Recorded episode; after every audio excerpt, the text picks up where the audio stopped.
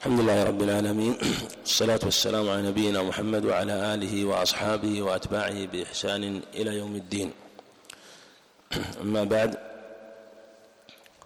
فأسأل الله سبحانه وتعالى أن يمن علي وعليكم بالعلم النافع وأن يجعلنا وإياكم من يستمعون قوله فيتبعون أحسنه وأن يرزقنا العلم والعمل جميعا. وأشكر لإخواني في مركز دعوة المشايخ جهودهم وتنظيمهم لهذه الدروس وحسن ترتيبهم لها. سائلا سبحانه وتعالى أن يبارك لهم في أحوالهم وأولادهم وأهوالهم وإخواننا وعموم المسلمين. آمين.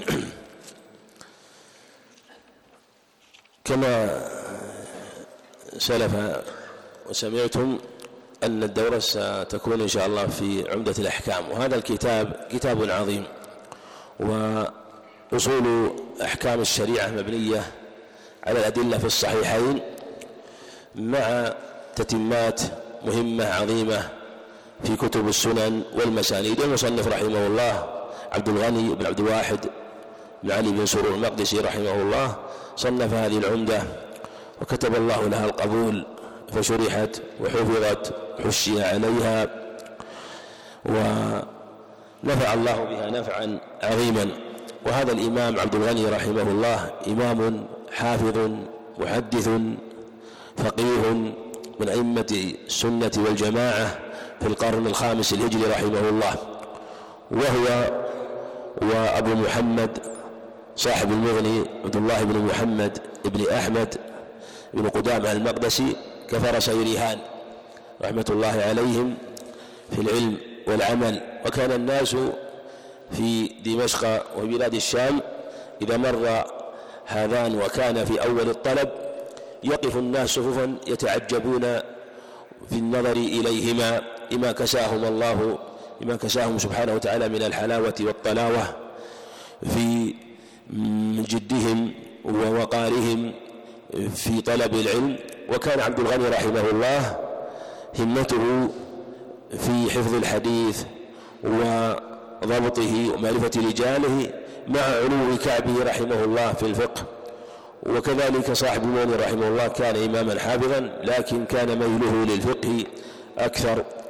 ثم هو عمر صاحب المغني أكثر لأن صاحب المغني توفي سنة عشرين وستمائة للهجرة وعبد الغني رحمه الله توفي سنة ستمائة.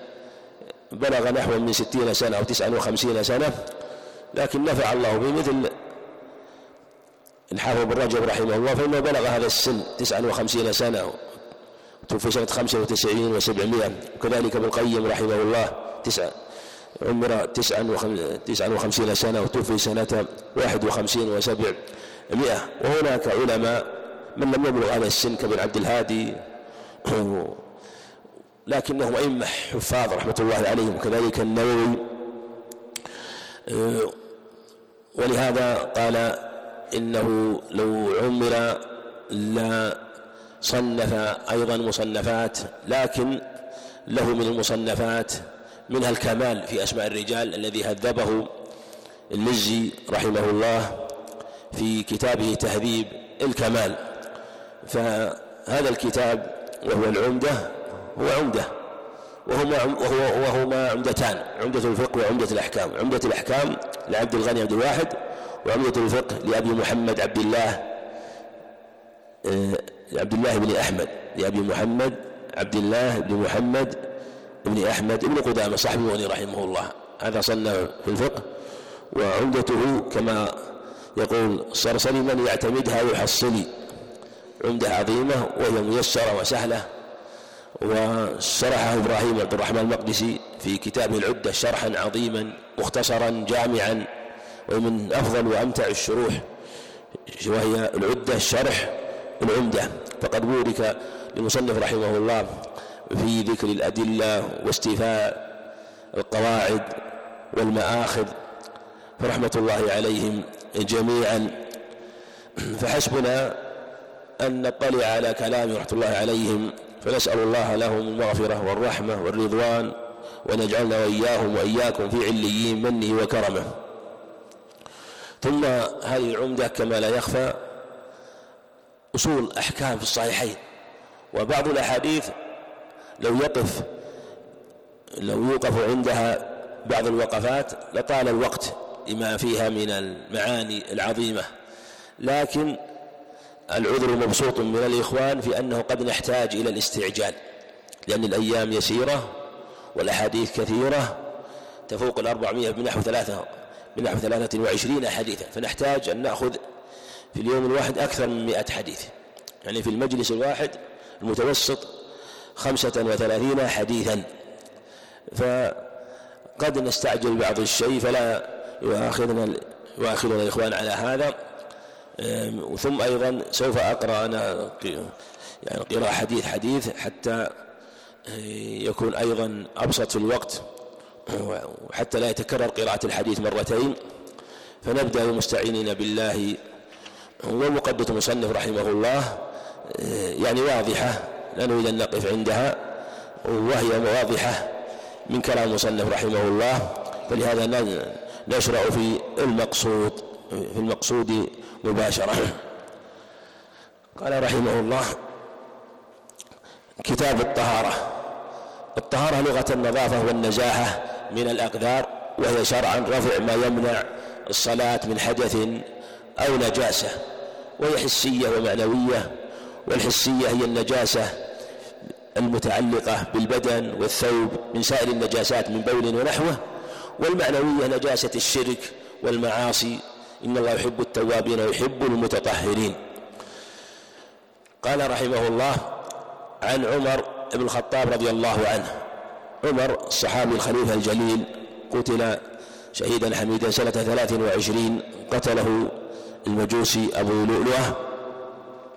آه، آه، فسنة ثلاث وعشرين وقال الحمد لله أن الذي قتلني لم يسجد لله سجة قط. رضي الله عنه. قال سمعت رسول الله صلى الله عليه وسلم يقول إنما الأعمال بالنيات وفي رواية بالنية. رواية الأعمال بالنيات هذه رواية البخاري حسب ما ما اطلعت عليه ينظر هل رواه مسلم. أما قوله بالنية هذه في الصحيحين. إنما بالنية هذه في الصحيحين. والنية هي القصد والإرادة. هي القصد فإذا قصدت شيئا فقد أردته. وإنما لكل امرئ ما نوى. إنما ثم إنما. إن وما هذه للحصر. عند الجمهور وهي مكونة من إن التي هي للتأكيد وما النافية. فكأنها جمعت الإثبات والنفي والجمهور على أنها للحصر أو بل اتفق على أنها الحصر لكن هل الحصر بها من باب المنطوق أو من باب المفهوم؟ على قولين. فإذا قيل إنها من باب المنطوق فالمعنى أن الأعمال بالنيات وأن ما لم ينوى فإنه لا يعتبر بمنطوقه يعني يكون المعنى أنه من نوى فإنه فإن أن, أن العمل لا يكون إلا بالنية ومن لم ينوي فإنه لا يعتبر عمله على خلاف في التقدير.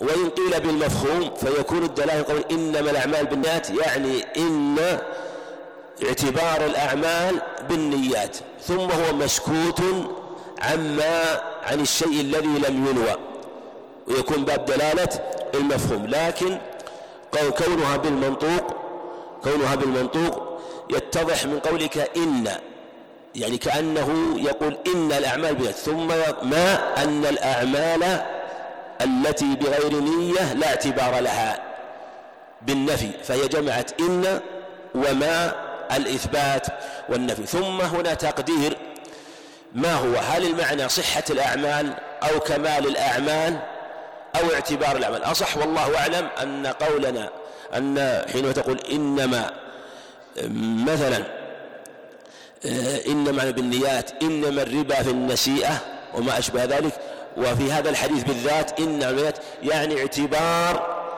الأعمال بالنيات. ما نقدر صحة الأعمال وذلك أنك إذا قدرت الصحة فإنه تخصيص للحديث أو تخصيص للعموم والأصل أن يبقى العموم ما نخصص العموم.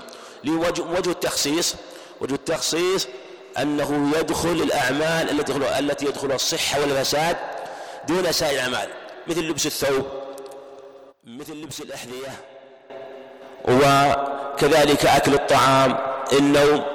لو قلنا إنما صحة الأعمال بالنيات خرجت هذه الأشياء خرجت هذه الأشياء.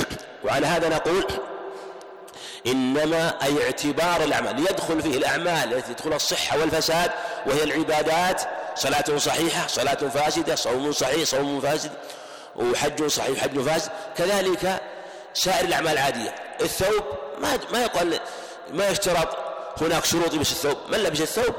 حصل لبس الثوب. أكل الطعام لبس الأحذية وما أشبه ذلك. لا يدخل الصحة والفساد ولو قال إنه لا يصح اللبس إلا بنية إلا مثلا إلا أن تنوي هذا الشيء. إنما كونك تكون مأجورا بلبس الثوب تكون مأجورا بلبس الأحذية تكون مأجورا إذا نمت تكون مأجورا إذا أكلت الطعام تنوي. تنوي التقوي على الطاعات تنوي ستر بدنك بالثياب. وما أشبه ذلك من هذه الأشياء. إنما أعمال بالنيات وإنما يعني إن اعتبار الأعمال بالنيات وإنما لكل امرئ ما يعني ليحذر الإنسان فإنه إذا كانت نيته صالحة فإن عمله مقبول وإن كانت فاسدة فإن عمله مردود. ثم قال فمن كانت هجرته إلى الله ورسوله فهجرته إلى الله ورسوله. انظر إلى أن الجواب والجزاء اتحدا والمعروف عند الأصوليين والنحويين أن الجواب والجزاء يختلفان لا يتحدان كالمبتدأ والخبر. لما لما اتحد الجواب والجزاء؟ من كانت هجرته إلى الله ورسوله فهجرته إلى الله ورسوله. والمعنى هناك تقدير. فمن كانت هجرته إلى الله ورسوله نية وقصدا فهجرته إلى الله ورسوله ثوابا وأجرا. هذا هو المعنى. ولماذا كرر الجزاء؟ وهو الجواب بنفس الشرط تعظيما للأمر. فهجرته إلى الله ورسوله.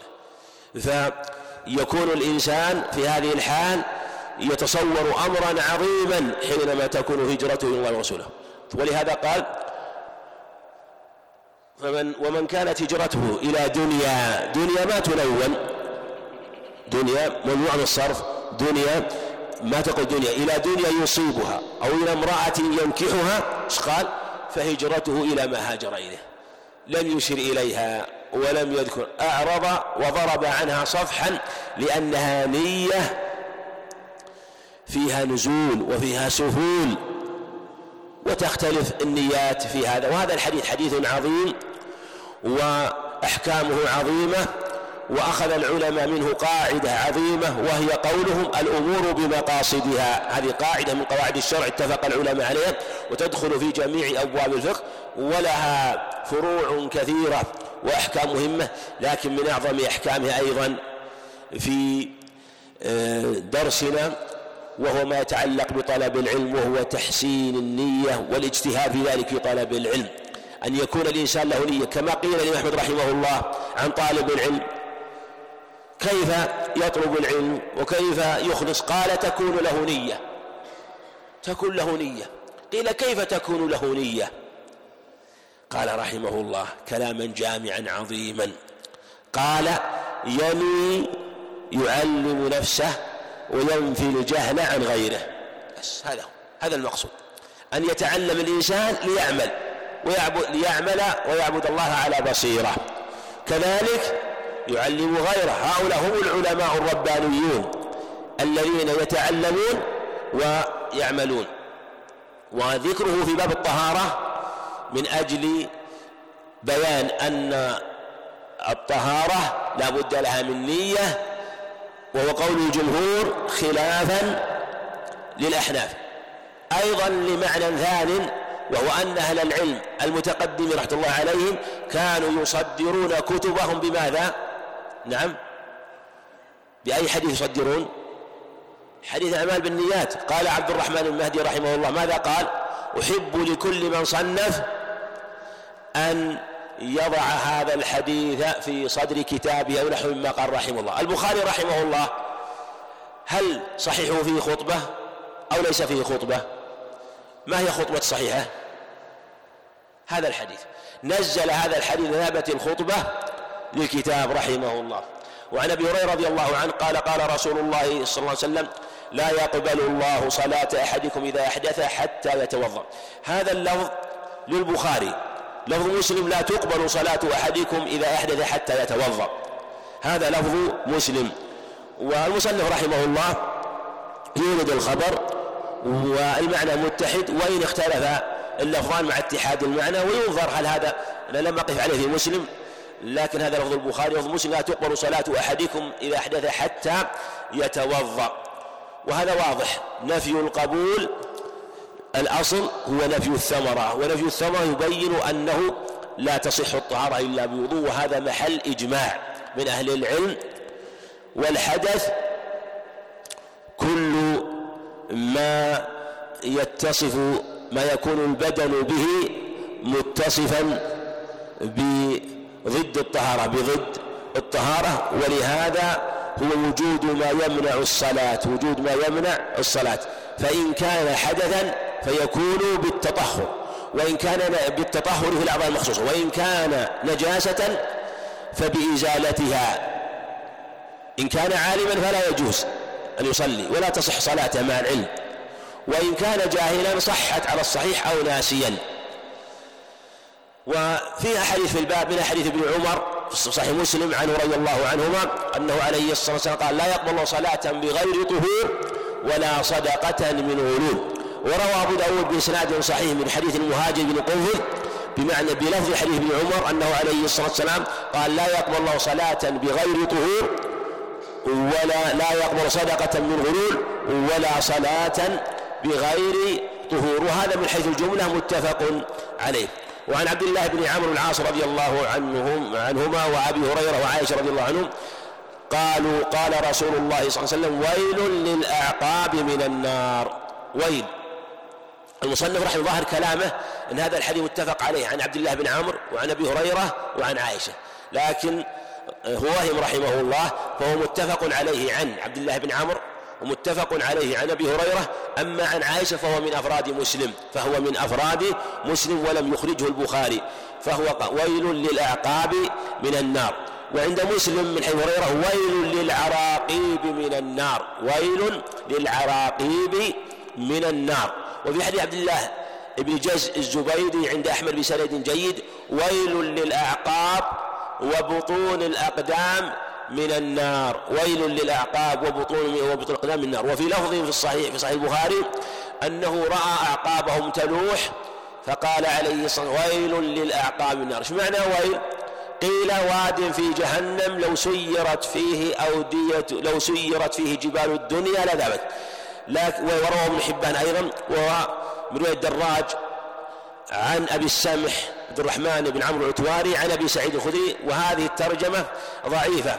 وقد روى الإمام أحمد رحمه الله حديث كثيرة في هذه الترجمة من الدراج عن أبي الهيثم. الدراج لا بأس به وعبد الرحمن بن عمرو بن الهيثم لا بأس به لكن دراج وهو عبد الرحمن بن سمعان عن أبي الهيثم عبد الرحمن آه، عن وهو العتواري روايته عنه ضعيفة.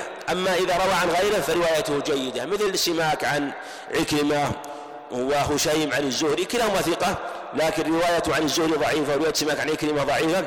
فهذا الحديث من الطريق فيه ضعف. والصواب أن ويل تشديد وتهديد ووعيد أكيد ووعيد يخشى على صاحبه. هذا معنى ويل على الصحيح. قال ويل للأعقاب. الأعقاب هل هو اللام هنا للعهد أو للعموم أو للجنس؟ يظهر الله أعلم. لا ليست للعهد. لو كانت للعهد لكان خاصة بالأعقاب التي رأى عليه الصلاة والسلام. ولو كانت للعموم لكان عموم لعموم أعقاب كل المتوضئين وليس كذلك. إنما هو يعني للجنس يعني جنس الأعقاب ممن لم يعني ممن لم يعتني بعقبيه وذلك أن العقب ينبو عنه الماء غالبا وخاصة في أيام الشتاء وكذلك العراقيب وكذلك بطون الأقدام لأنها ترتفع أخمص القدم وباطن القدم يرتفع فقد لا يصيبه الماء وهذا يبين وجوب يبين وجوب تعميم غسل الأقدام كسائر الأعضاء. عن أبي هريرة رضي الله عنه وعبد الله بن عمرو صحابي جليل اختل سورة فاته وأبو هريرة أيضا صحابي جليل روى حديثا كثيرة نحو من خمسة آلاف وثلاثمائة وسبعين حديث عن المشهور توفي سنة آه، سبع وخمسين وقيل ثمان وخمسين. وعائشة توفي سنة سبع وخمسين قبل أبي هريرة وصلى عليها أبو هريرة. نعم. وتقدم أبو هريرة في حديث سبق أيضا. عن أبي هريرة رضي الله عنه أن رسول الله صلى الله عليه وسلم قال إذا توضأ أحدكم فليجعل في أنفه ماء ثم لينتثر. إذا توضأ هذه قضية شرطية. وهذا يبين أنه أن أن الاستنثار يكون واجبا في هذه الحال لأنه مفهوم شرط ومفهوم الشرط معتبر عند جماهير العلماء. في أن فليجعل في أنفه وهذا يبين أنه يجب أن يجعل في أنفه خلاف ما بعض الناس يأخذ الماء ويجعله على أنفه لا فليجعل في أنفه ماء. سيأتي أدلة تبين. ثم لينتثر يعني يزيل الأذى. فالواجب أمران الاستنشاق والاستنثار على الصحيح خلافا للجمهور الذي يقول يجب الاستنشاق الذين قالوا آه، خلافا لمن قال إنه الواجب الاستنشاق دون الاستنثار والصواب أنه يجب الاستنشاق كما يجب الاستنشاق يجب الاستنثار لماذا؟ مقصود الاستنشاق متى يحصل؟ عند الاستنثار عند الاستنثار في الحال لا يحصل مقصود الاستنشاق إلا بالاستنثار. فكأن الاستنشاق غاية ولا وسيلة؟ أه، وسيلة ولا غاية؟ كأن وسيلة في الحقيقة. والاستنثار غاية لأنه حينما يدخل الماء فالمقصود هو الاستنثار فكيف تجب الوسيلة دون الغاية؟ لأن المقصود إدخال الماء في الأنف لأجل أن يستنثر فكون يدخل الماء في الأنف وإن, وإن كان قد أه، في الغالب أنه لا يزول لك لو زال شيء من الأذى فإنه شيء يسير. فلهذا كان الاستنثار واجب. ومن استجمر واستعمال الأحجار عند بعد قضاء الحاجة فليوتر. أقل والوتر إما واحد بحجر واحد أو ثلاثة أحجار لكن أقل ما يجب ثلاثة أحجار وهذا في حديث سلمان وفي حديث أبي هريرة وفي حديث خزيمة بن جزء رضي الله عنهم في وجوب ثلاثة أحجار. ومن استجمر فليوتر. استجمر فليوتر. المعنى أنه عليه أن يجعل وترا فلو أنه استجمر ثلاثا فلم يزل الأذى فزاد رابعا فيسن أن يزيد خامس. عند أبي داود حيث هريرة من فعل فقد أحسن ومن لا فلا حرج.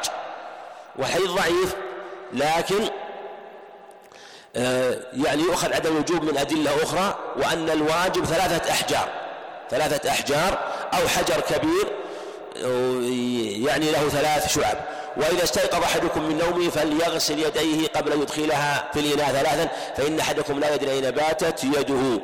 وإذا استيقظ أحدكم من نومه عند أبي داود والترمذي بإسناد صحيح من نوم الليل من نوم الليل. طيب هل يدخل نوم النهار؟ ويكون رواية هل يكون خاص بنوم الليل؟ وتكون رواية أبي داود مفسرة لرواية الصحيحين أو نقول عام؟ نقول ماذا؟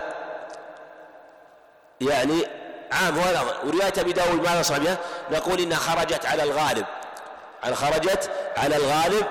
آه، بمعنى أن الغالب يكون النوم في الليل وما خرج على الغالب فعند جماهير العلماء فإنه لا مفهوم له. ثم أيضا من جهة المعنى في آخر الحديث يبين أن المقصود هو النوم سيكون سيأتي. قال فليغسل يديه. هذا أمر.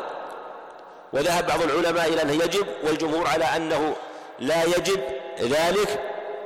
واستدلوا بحديث ابن عباس وهو حديث جيد أنه عليه الصلاة والسلام قام من الليل فقام إلى شن معلق فقام إلى شن معلق ولم يذكر أنه غسل يديه عليه الصلاة والسلام ثلاثا. وقالوا أيضا أنه علل بالشك فإنه لا يدري أين باتت يده. هل في الشريعة الشك؟ نعم ليس فيها شك. إذن الأمر المشكوك لا تعلق به الشريعة الشيء لا تعلق الشريعة به فلما قال فإنه لا يدري أين باتت يده فعلقه بأن مشكوك.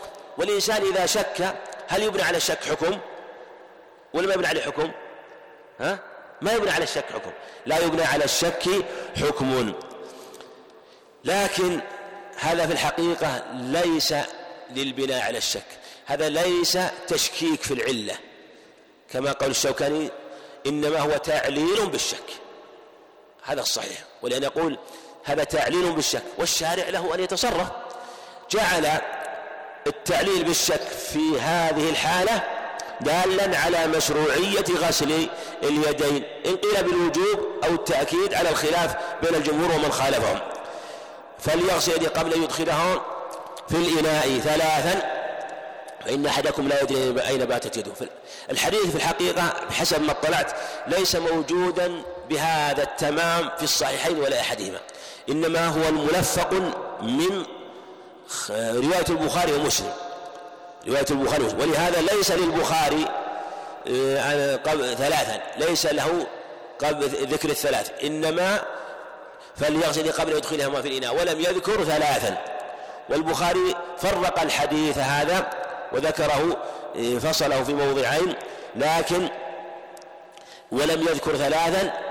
فكأن المصنف جمعه من حديثين فالحديث هو موجود الصحيحين لكن بغير هذا السياق وهو يملي من حفظ رحمه الله. فإن أحدكم لا يدري أين باتت يده لا يدري أين باتت يده. وهذا التعليل فيه خلاف كثير لكن لا يدري بمعنى أن اليد الإنسان في النوم ربما تذهب من هنا ومن هنا ربما تقع على فرجه. وهذا تعليل الشافعي جماعة وربما تصيب بثرة وربما يقع عليه شيء من القدر والنجاسة وما أشبه ذلك لكن أمور يعني لا يدرى عنها لا يدري عنها. عند ابن خزيمة فإنه لا يدري أين باتت يده منه. هذه قد تؤيد قول الجمهور.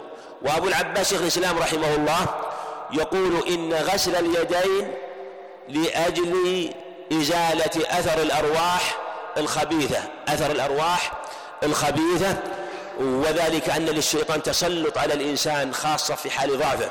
حينما يدخل الخلاء الإنسان أضعف ما يكون حينما يدخل الخلاء. يتكشف يعلم الإنسان حاله وضعفه وأنه إنسان مسكين ضعيف. حينما يدخل الخلاء وأنه لا غنى له في هذه الحال.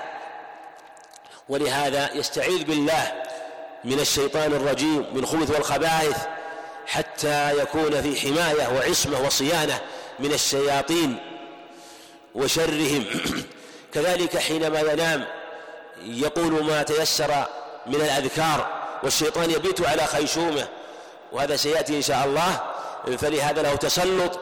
وربما بال في أذنيه كما في الصحيحين عن مسعود لما ذكر للنبي صلى الله عليه وسلم رجل بال حتى أصبح قال ذاك بال الشيطان في أذنيه بال الشيطان في أذنيه.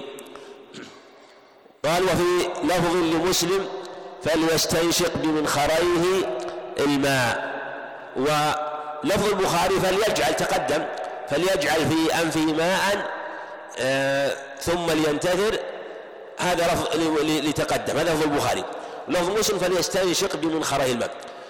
العلماء رحمة الله عليهم عندهم عناية. ولهذا هذا يبين أن فقه المصنف العظيم رحمه الله كما ينبه العلم هذا؟ لماذا قال وفي لفظ فليستنشق؟ من تقدم فليجعل. الروايات مهمة لطالب العلم لأن دلالتها تختلف. لأن فليجعل قد مجرد ما يجعل الماء في أنفه يحصل مقصود لكن قال فليستنشق. الاستنشاق أبلغ من كونه يجعل. حتى يدخل إلى قريب من الخياشيم والخياشيم. وهذا نوع من الوعي. ولهذا في حديث لقيط بن صبرة يقال صبرة وصبرة وبالغ في الاستنشاق إلا أن تكون صبر بالغ. ولهذا ثبت عنه عليه الصلاة والسلام ثبت عنه هذا المعنى فليستنشق. وإدخاله في أنفه إدخال مع استنشاق بمنخريه الماء هذا لفظ مسلم. وفي لفظ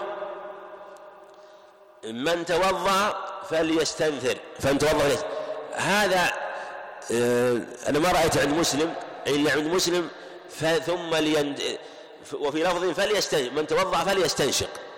والذي عند مسلم ومن توضأ فلينتثر. طيب الآن لو قوله عندكم أنتم عندكم فليستنشق ولا لا؟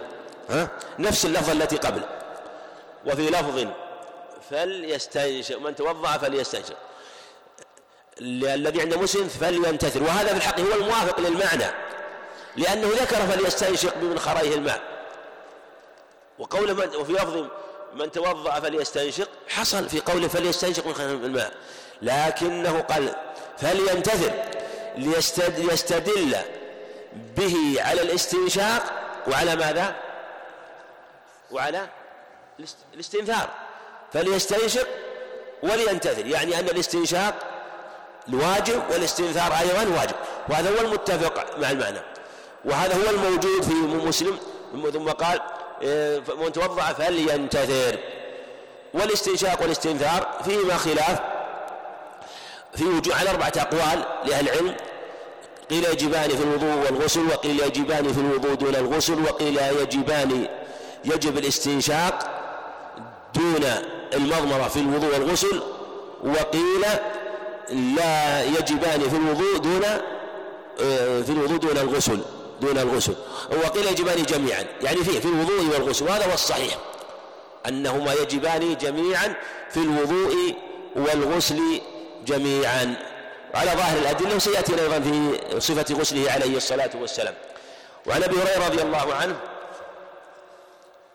نعم ولمسلم ولمسلم لا يغتسل أحدكم في الماء الدائم وهو جنوب. لا يغتسل أحدكم. وعن, وعن أبي هريرة نعم. وعن أبي رضي الله عنه. لا يبولن أحدكم في الماء الدائم الذي لا يجري ثم يغتسل منه. هذا كما هو شرط المصنف الصحيح. لكن لفظ البخاري ما هو؟ ثم يغتسل فيه. هذا اللفظ لمسلم. هذا اللفظ لمسلم.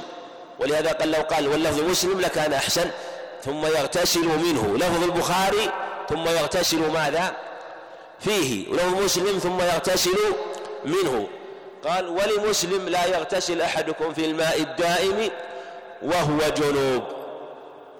هذان الخبران أو هذا الخبر فيه كلام لأهل العلم وخلاف طويل واستدل به بعضهم على نجاسة الماء القليل وهو دون قلتين يوقع في نجاسة الصواب. أن دلالته على هذه المسألة بمعزل عنها وهو مشهور مذهب الحنابلة الله عليهم ومذهب الشافعي رحمه الله. والأظهر أن الحديث لم يسق لأجل هذا لأنه عليه الصلاة قال لا يبولن. هذا نهي مؤكد بنون التوكيد الثقيلة. أحدكم في الماء الدائم الدائم يطلق على الدائم المتحرك والساكن. ولكن هنا المراد ولهذا قال الذي لا يجري. الدائم الساكن. الذي لا يجري من باب التأكيد أو يعني الدائم الذي يتحرك بعضه. يتحرك بعضه. مثل لو كان ماء في بركة بعضه يجري وبعضه لا يجري. وهو جنب وهو جنب. ثم يغتسل منه ثم يغتسل منه. ثم يغتسل. والصحيح الأظهر أن يغتسل يغتسل هنا روايتها بالرفع. وبعضهم قال ثم يغتسل بالجزم. عطف على موضع لا يبولن لأن موضع يبولن الجزم. أصلا لا يبل لكن لما اتصلت من التوكيد الثقيلة فتح المضارع. ولهذا قال بعضهم عطف على موضع يبولن. والأظهر أنه هنا مرفوع أن الجملة ولهذا المعنى ثم يغتسل فالجملة هذه جملة الجملة الفعلية جملة يغتسل خبر لمبتدأ محذوف إيش تقديره؟ وش يقدر هنا؟ ثم هو ثم هو يغتسل مثل قوله عليه الصلاة والسلام لا يضرب أحدكم امرأته كما يضرب في لفظ يجد أمة جلد العبد ثم يضاجعها من آخر النهار وهذا هذا روايته بالرفع لم يرى مثلا ثم يراجعها. يعني ثم هو يراجع. يعني أنه يضربها ثم يريدها في الفراش وتمتنع عليه. لماذا؟ لأنه أساء إليها. كذلك هذا الحديث معنى لا يبولن أحدكم في الماء الدائم يعني الماء الراكد ثم يريد أن يتوضأ ثم يريد أن يغتسل منه ثم يريد أن يتوضأ منه. ثم يريد أن يشرب منه ثم يريد أن يطبخ منه وما أشبه ذلك. فيمتنع عليه ذلك. لماذا؟ لأنه إذا بال هو فيه أو علم أن غيره بال في هذا الماء الراكد الذي يكون مثل مثل مياه البرك. النفوس تعافى ولا ما تعافى ولو لم يتغير ليس كذلك؟ حتى ولو ما تغير لو علم أنه بال فيه إنسان ولو أنه ما تغير النفوس ماذا؟ تعافوا فلهذا قال ثم هو يغتسل منه. يعني فيمتنع عليه ذلك أو يفسد الماء لما تقدم أو يغتسل فيه سواء منه يعني يتناوله. يغتسل فيه ينزل فيه ينزل فيه. ومما يبينه أن في حديث أبو هريرة أنه عليه الصلاة والسلام قال لا يغتسل أحدكم في الماء الدائم لا يغتسل وهو جنوب رواه مسلم حديث هريرة. لا يغتسل بالنهي. أحدكم في الماء الدائم وهو جنوب. وهو جنوب. قيل في كيف يصنع؟ قال يتناوله تناولا. يعني ماذا؟ يغتسل منه. وهنا قال؟ ثم يغتسل منه. وأبو هريرة راوي الحديث يقول ثم يتناول تناولا. تناول تناول؟ فدل على أن المراد وهذا هو الأصح وهو المتفق مع معاني الشريعة في الحفاظ على المياه والحفاظ على البيئة عموما وخصوصا المياه هذا هو المتفق وأن الشريعة اجتهدت في حفظ المياه عن تنجيسها وتقذيرها بكل سبيل ولهذا نهى عن البول فيه ونهى عن الغسل فيه للجنوب ليس لأي إنسان لا للجنوب. ومما يبينه أنه روى أبو داود بحيث روى بسناد صحيح لا يبولن أحدكم في الماء الدائم. ولا يغتسل فيه من الجنابة. ولا يغتسل فيه من الجنابة. فالماء الدائم وهي المياه الغالب القليلة التي تكون موضع لشرب الناس لطعامهم وشفائهم ووضوئهم بخلاف المياه الكبيرة البحار والأنهار والأودية وما أشبه ذلك. والمياه المستبحرة العظيمة هذه هل هي خارجة من هذا العموم لأن قولها الماء الدائم هل يدخل فيه البحر؟ هل نقول هذا العموم مخصوص ويخرج من البحر؟ أو نقول لم يدخل؟ نعم. الأظهر نقول لم يدخل في الحقيقة. يعني بعضهم قال خرج بالإجماع. نقول يعني حتى كيف يكون النص النص دال على هذا؟ ما هناك إجماع في الحق. يعني العلماء أجمعوا لكن هل هو داخل أصلا البحر؟ نعم نقول الأظهر لا يدخل لأن الخطاب بحسب المعتاد. فالنبي عليه الصلاة والسلام حينما خاطب أهل المدينة يخاطب الناس المعنى النهي عن البول في المياه التي تكون محل الاستعمال ومحل الانتفاع المياه التي تكون في القرى والمدن وفي الأرياف وقريب من البلد للاستعمال حاجة. آه هذا هو المراد. فخطاب الشارع يخرج على العادة ولذا استدل بعضهم في قوله أيما إهاب دبغ فقد طهر. هل يدخل فيه جلد الكلب والخنزير؟ بعض استدل وبعضهم قال ربما قيل لا يدخل أصلا في هذا العموم لأنه لم يكن يعتاد أن جلد الكلب والخنزير يدبغ. فهو غير داخل حتى يخرج من هذا العموم. طيب ولموسى لا يغتسل أحدكم في الماء الدائم وهو جنوب وهو جنوب. وقوله ثم يغتسل منه. قد يقول قائل طيب الاغتسال في الماء الدائم يجوز؟ نقول النهي عن الجنوب. أما غير الجنوب ساكت عنه ساكت عنه. وذلك أنه لو علم أن هذا الماء يغتسل في الجنوب النفوس ماذا؟ في الغالب تعاف هذه المياه. وإن كان بدنه طاهر ربما يكون بدنه يعني قد يكون أنظف من بدن آخر ليس بجنوب.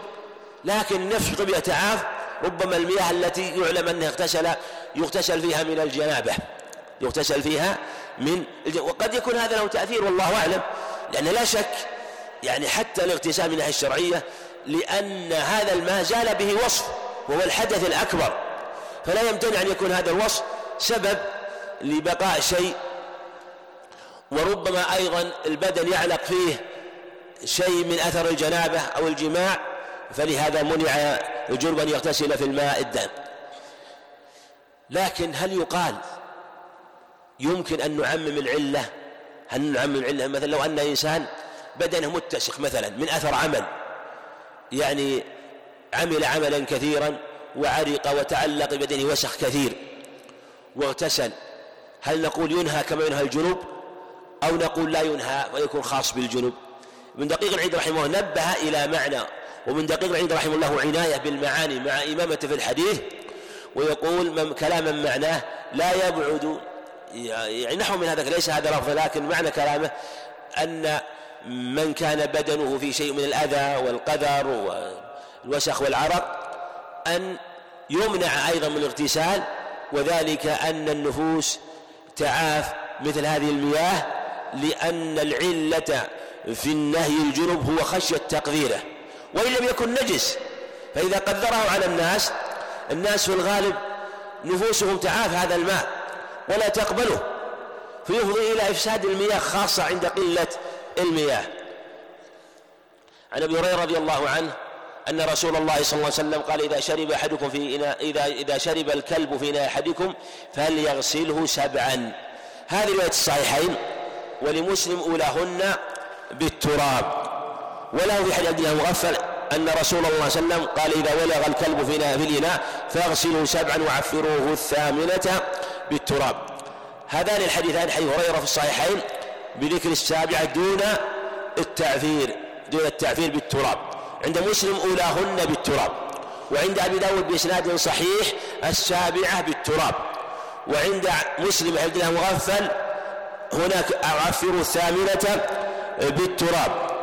وفي رواية جيدة إحداهن أولاهن بالتراب عند الترمذي وهي رواية يعني فيها الشك هل يتخذ الشك والأظن فيها شك؟ فلا فتصرف الروايات الأخرى التي جاء فيها الجزم بإحدى الغسلات جاء عند الدار قطي إحداهن بالأضحى وهي لا تصح. فالذي ثبت في الروايات أولاهن عند مسلم والثامنة والسابعة. وجاء رواية إحداهن أيضا وهي رواية مطلقة تحمل على الروايات التي جاءت مقيدة. طيب هنا في قوله عليه السلام إذا ولغ الكلب الولوغ اختلف فيه والأظهر أنه معناه هو أن يدلع لسانه في الإناء. شرب أم لم يشرب؟ شرب أم لم يشرب؟ فإذا شرب فقد يشرب. وقد يكون يلغ فيه بأن يضع لسانه بلا شرب. والرواية إذا ولغ هذه الرواية الأخرى ورجحها بعضهم إذا ولغ. لكن إذا شرب فإنه أبلغ لأنه ولوغ مع شرب ولوغ مع شرب. فهو أبلغ. في إناء أحدكم الإضافة هنا ملغاة. ليس المعنى أن يكون إناء. فلو أنه ولغ في يعني إناء إناء غيرك إناء ليس إناء لك فالحكم واحد. لكن لأن المراد مخاطبة المكلف في إنائه والحكم أيضا يشمل كل إناء. قوله إناء هل له مفهوم ولا ما له مفهوم؟ لو ولغ الكلب مثلا في غدير أو ولغ في البرك يدخل ولا ما يدخل؟ الظاهر إنه ما يدخل لأنه قال إناء أحدكم. كأن هذا هو المعنى المراد من الإضافة هنا. وكأن المعنى والله قد آه، ينظر في هذه الفائدة لست على ثلج منها أو هذا الاستنباط لست على ثلج منه ينظر. وكأنه والله في إناء أحدكم أن فرق بين الشيء يكون مشترك. في الغالب الأشياء المشتركة تكون في الغدران أو في البراك العامة أو ما أشبه ذلك. خلاف الإناء فإنه يكون في بيته وفي داره فهذا هو الذي يؤثر. أما إذا كان في الأشياء العامة التي تكون للناس وخاصة في ذلك الزمن في مكان يغتسل فيه الناس ويتوضأ الناس فيه عند المسجد أو في مكان آخر فهذا لا يدخل. ولهذا روى ابن أبي شيبة بسناد صحيح أبي هريرة أنه سئل عن ولوغ السباع الحمر ونحوها والحمر إن كانت طاهرة لكن عموم السباع في آه، الأحواض ونحوها فقال يعني لا يضرك ذلك. وهذا واضح يؤخذ من الحديث كما تقدم. ثم قوله فليغسلوا سبعا هذا واضح لأن لا يمكن غسل هذا عادة. أيضا فليريق رؤية مسلم أيضا. يعني إراقته لا تتيسر. فكلما تأملت النص تبين لك الخصوص في الآنية ونحوها من القدور الصغيرة التي تتأثر بالولوغ. ولهذا قال فليغسله واللام للأمر والأمر للوجوب سبعا سبع هذا هل هو تعبدي أو آه، معقول المعنى؟ الله أعلم. الأصل في الشريعة أنها معقولة المعاني لكن لو لم يظهر لنا يسلم. ولهذا قال أولهن بالتراب عند مسلم. وقال بعض أهل العلم إنه يجزي الأسنان الصابون والأظهر أنه لا يجزي إلا التراب. وذكر الطب الحديث الآن أن في ولوغ الكلب دودة الشريطية وأنها عولجت بأنواع مما يقتلها ولم يقتلها إلا التراب. فإن ثبت هذا فهذا يعني نحن مستغنون عنه بإخبار النبي عليه الصلاة والسلام لكن مما يطمئن به من يضعف إيمانه ويقينه آه، ويحصل عنده بعض التردد. فلهذا آه، يكون نوعا من البيان لما يحصل عنده إشكال في مثل هذا. ولهذا قالوا إن التراب يقتل مثل هذه الدودة. والمعنى هو إزالة أجل أثر اللزوجة وهذا واضح لأن اللزوجة في الغالب لا تزول بالصابون. وهذا واضح لأن الإنسان ربما يكون في يده لزوجة فلو وضع عليها الصابون فالصابون لا يزيله. قد يحتاج إلى مواد حادة وإلى أشياء خشنة فيضع على يديه شيء من التراب يضرب شيء من التراب عليه فيكون سببا في إزالته. وولوغ الكلب فيه لزوجة وهذا المعنى آه، قد يكون مرادا وعلى كل حال لا بد من يغسل سبعا هذا هو الصواب. وقول الجمهور خلافا للأحناف ولما روي عن أبي هريرة أنه يغسله ثلاثا مع أن الرواية الصحيحة عن أبي هريرة موافقة لما روى. ثم الصحيح عند الأصوليين أن الصحابي إذا روى ثم فسر الحديث بظاهر الحديث يحتمل له محتملان فإنه يؤخذ بتفسير الصحابي. وإن فسره بخلاف ظاهر الحديث فإنه لا يقبل. وذلك أن التفسير المخالف لظاهر الحديث إما تخصيص لعمومه أو تقييد لإطلاقه والقاعدة أن تقييد الاطلاق وتخصيص العموم لا بد من دليل. فالصحابي لا يقيد النصوص والصحابي لا يخصص النصوص. فإذا فسر الحديث بتفسير يخصص عمومه أو يقيد مطلقه فإنه يحتج له ولا يحتج به ولا يقبل إلا بدليل. فإن فسره بظاهر يحتمل اللفظ فإنه يقبل. مثل تفسير ابن عمر للتفرق للمتبايعين وأنه كان يرجع رضي الله عنه وهذا موافق لهذا الحديث يعني التفرق هو أن يولي كل من آخر دبره هذا موافق لظاهر الحديث. فإن كان الظاهرين يمكن اجتماعهما فلا بأس. وإن كانا مختلفين ففي هذه الحالة يكون المعنى على الظاهر موافق لظاهر الحديث دون الظاهر دون يكون التفسير المعنى موافق لظاهر الحديث دون التفسير المخالف لظاهر الحديث. قصدي وإن كان الظاهرين يمكن اجتماعهما عمل بهما. مع أن الرواية الصحيحة عن أبي هريرة رضي الله عنه عند الدار قطري موافقة للخبر وأنه يقول بوجوب الغسل سبعا رضي الله عنه. لكن هنا مسألة. الغسلة في أي تكون في ماذا؟ التراب يكون في غسلة في الأولى ولا في السابعة ولا في الثامنة؟ نجعلها؟ في ماذا؟ طيب رواية السابعة ماذا نصنع بها؟ الرواية الأولى أن عدة روايات والشريعة لا تنع كلام النبي حق عليه الصلاة والسلام. قال السابعة قال الثامنة قال الأولى وكلها روايات صحيحة.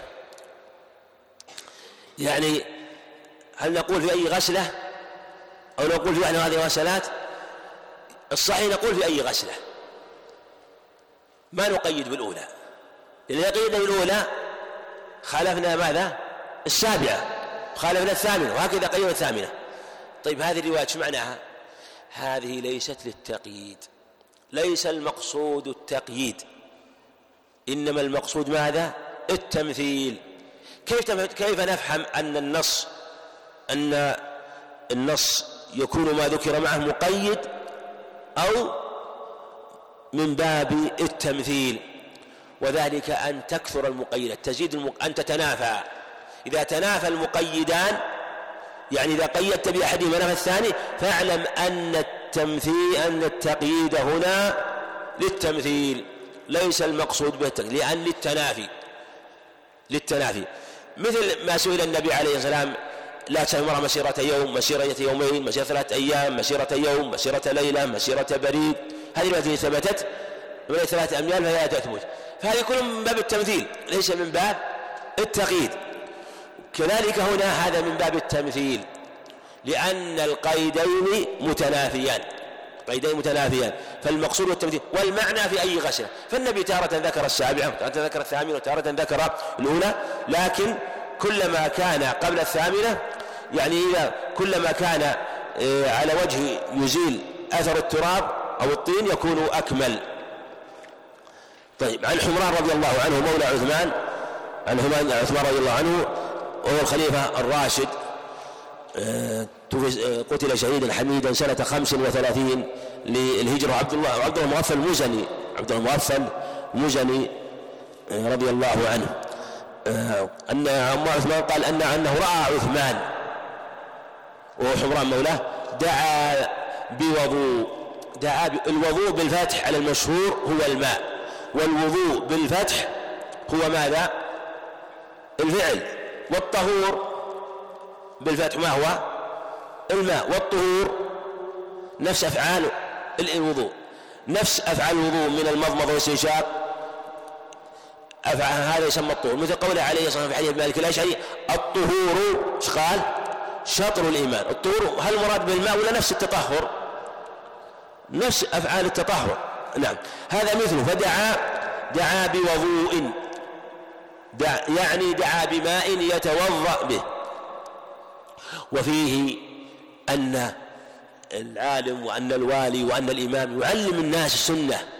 ولهذا عثمان رضي الله عنه خليفة الراشد توضأ أمام الناس مع أنه كان حييا شديد الحياء لكن توضأ أمام الناس وبين لهم السنة رضي الله عنه. فأفرغ على يديه من إناء فغسلها فغسلهما ثلاث مرات.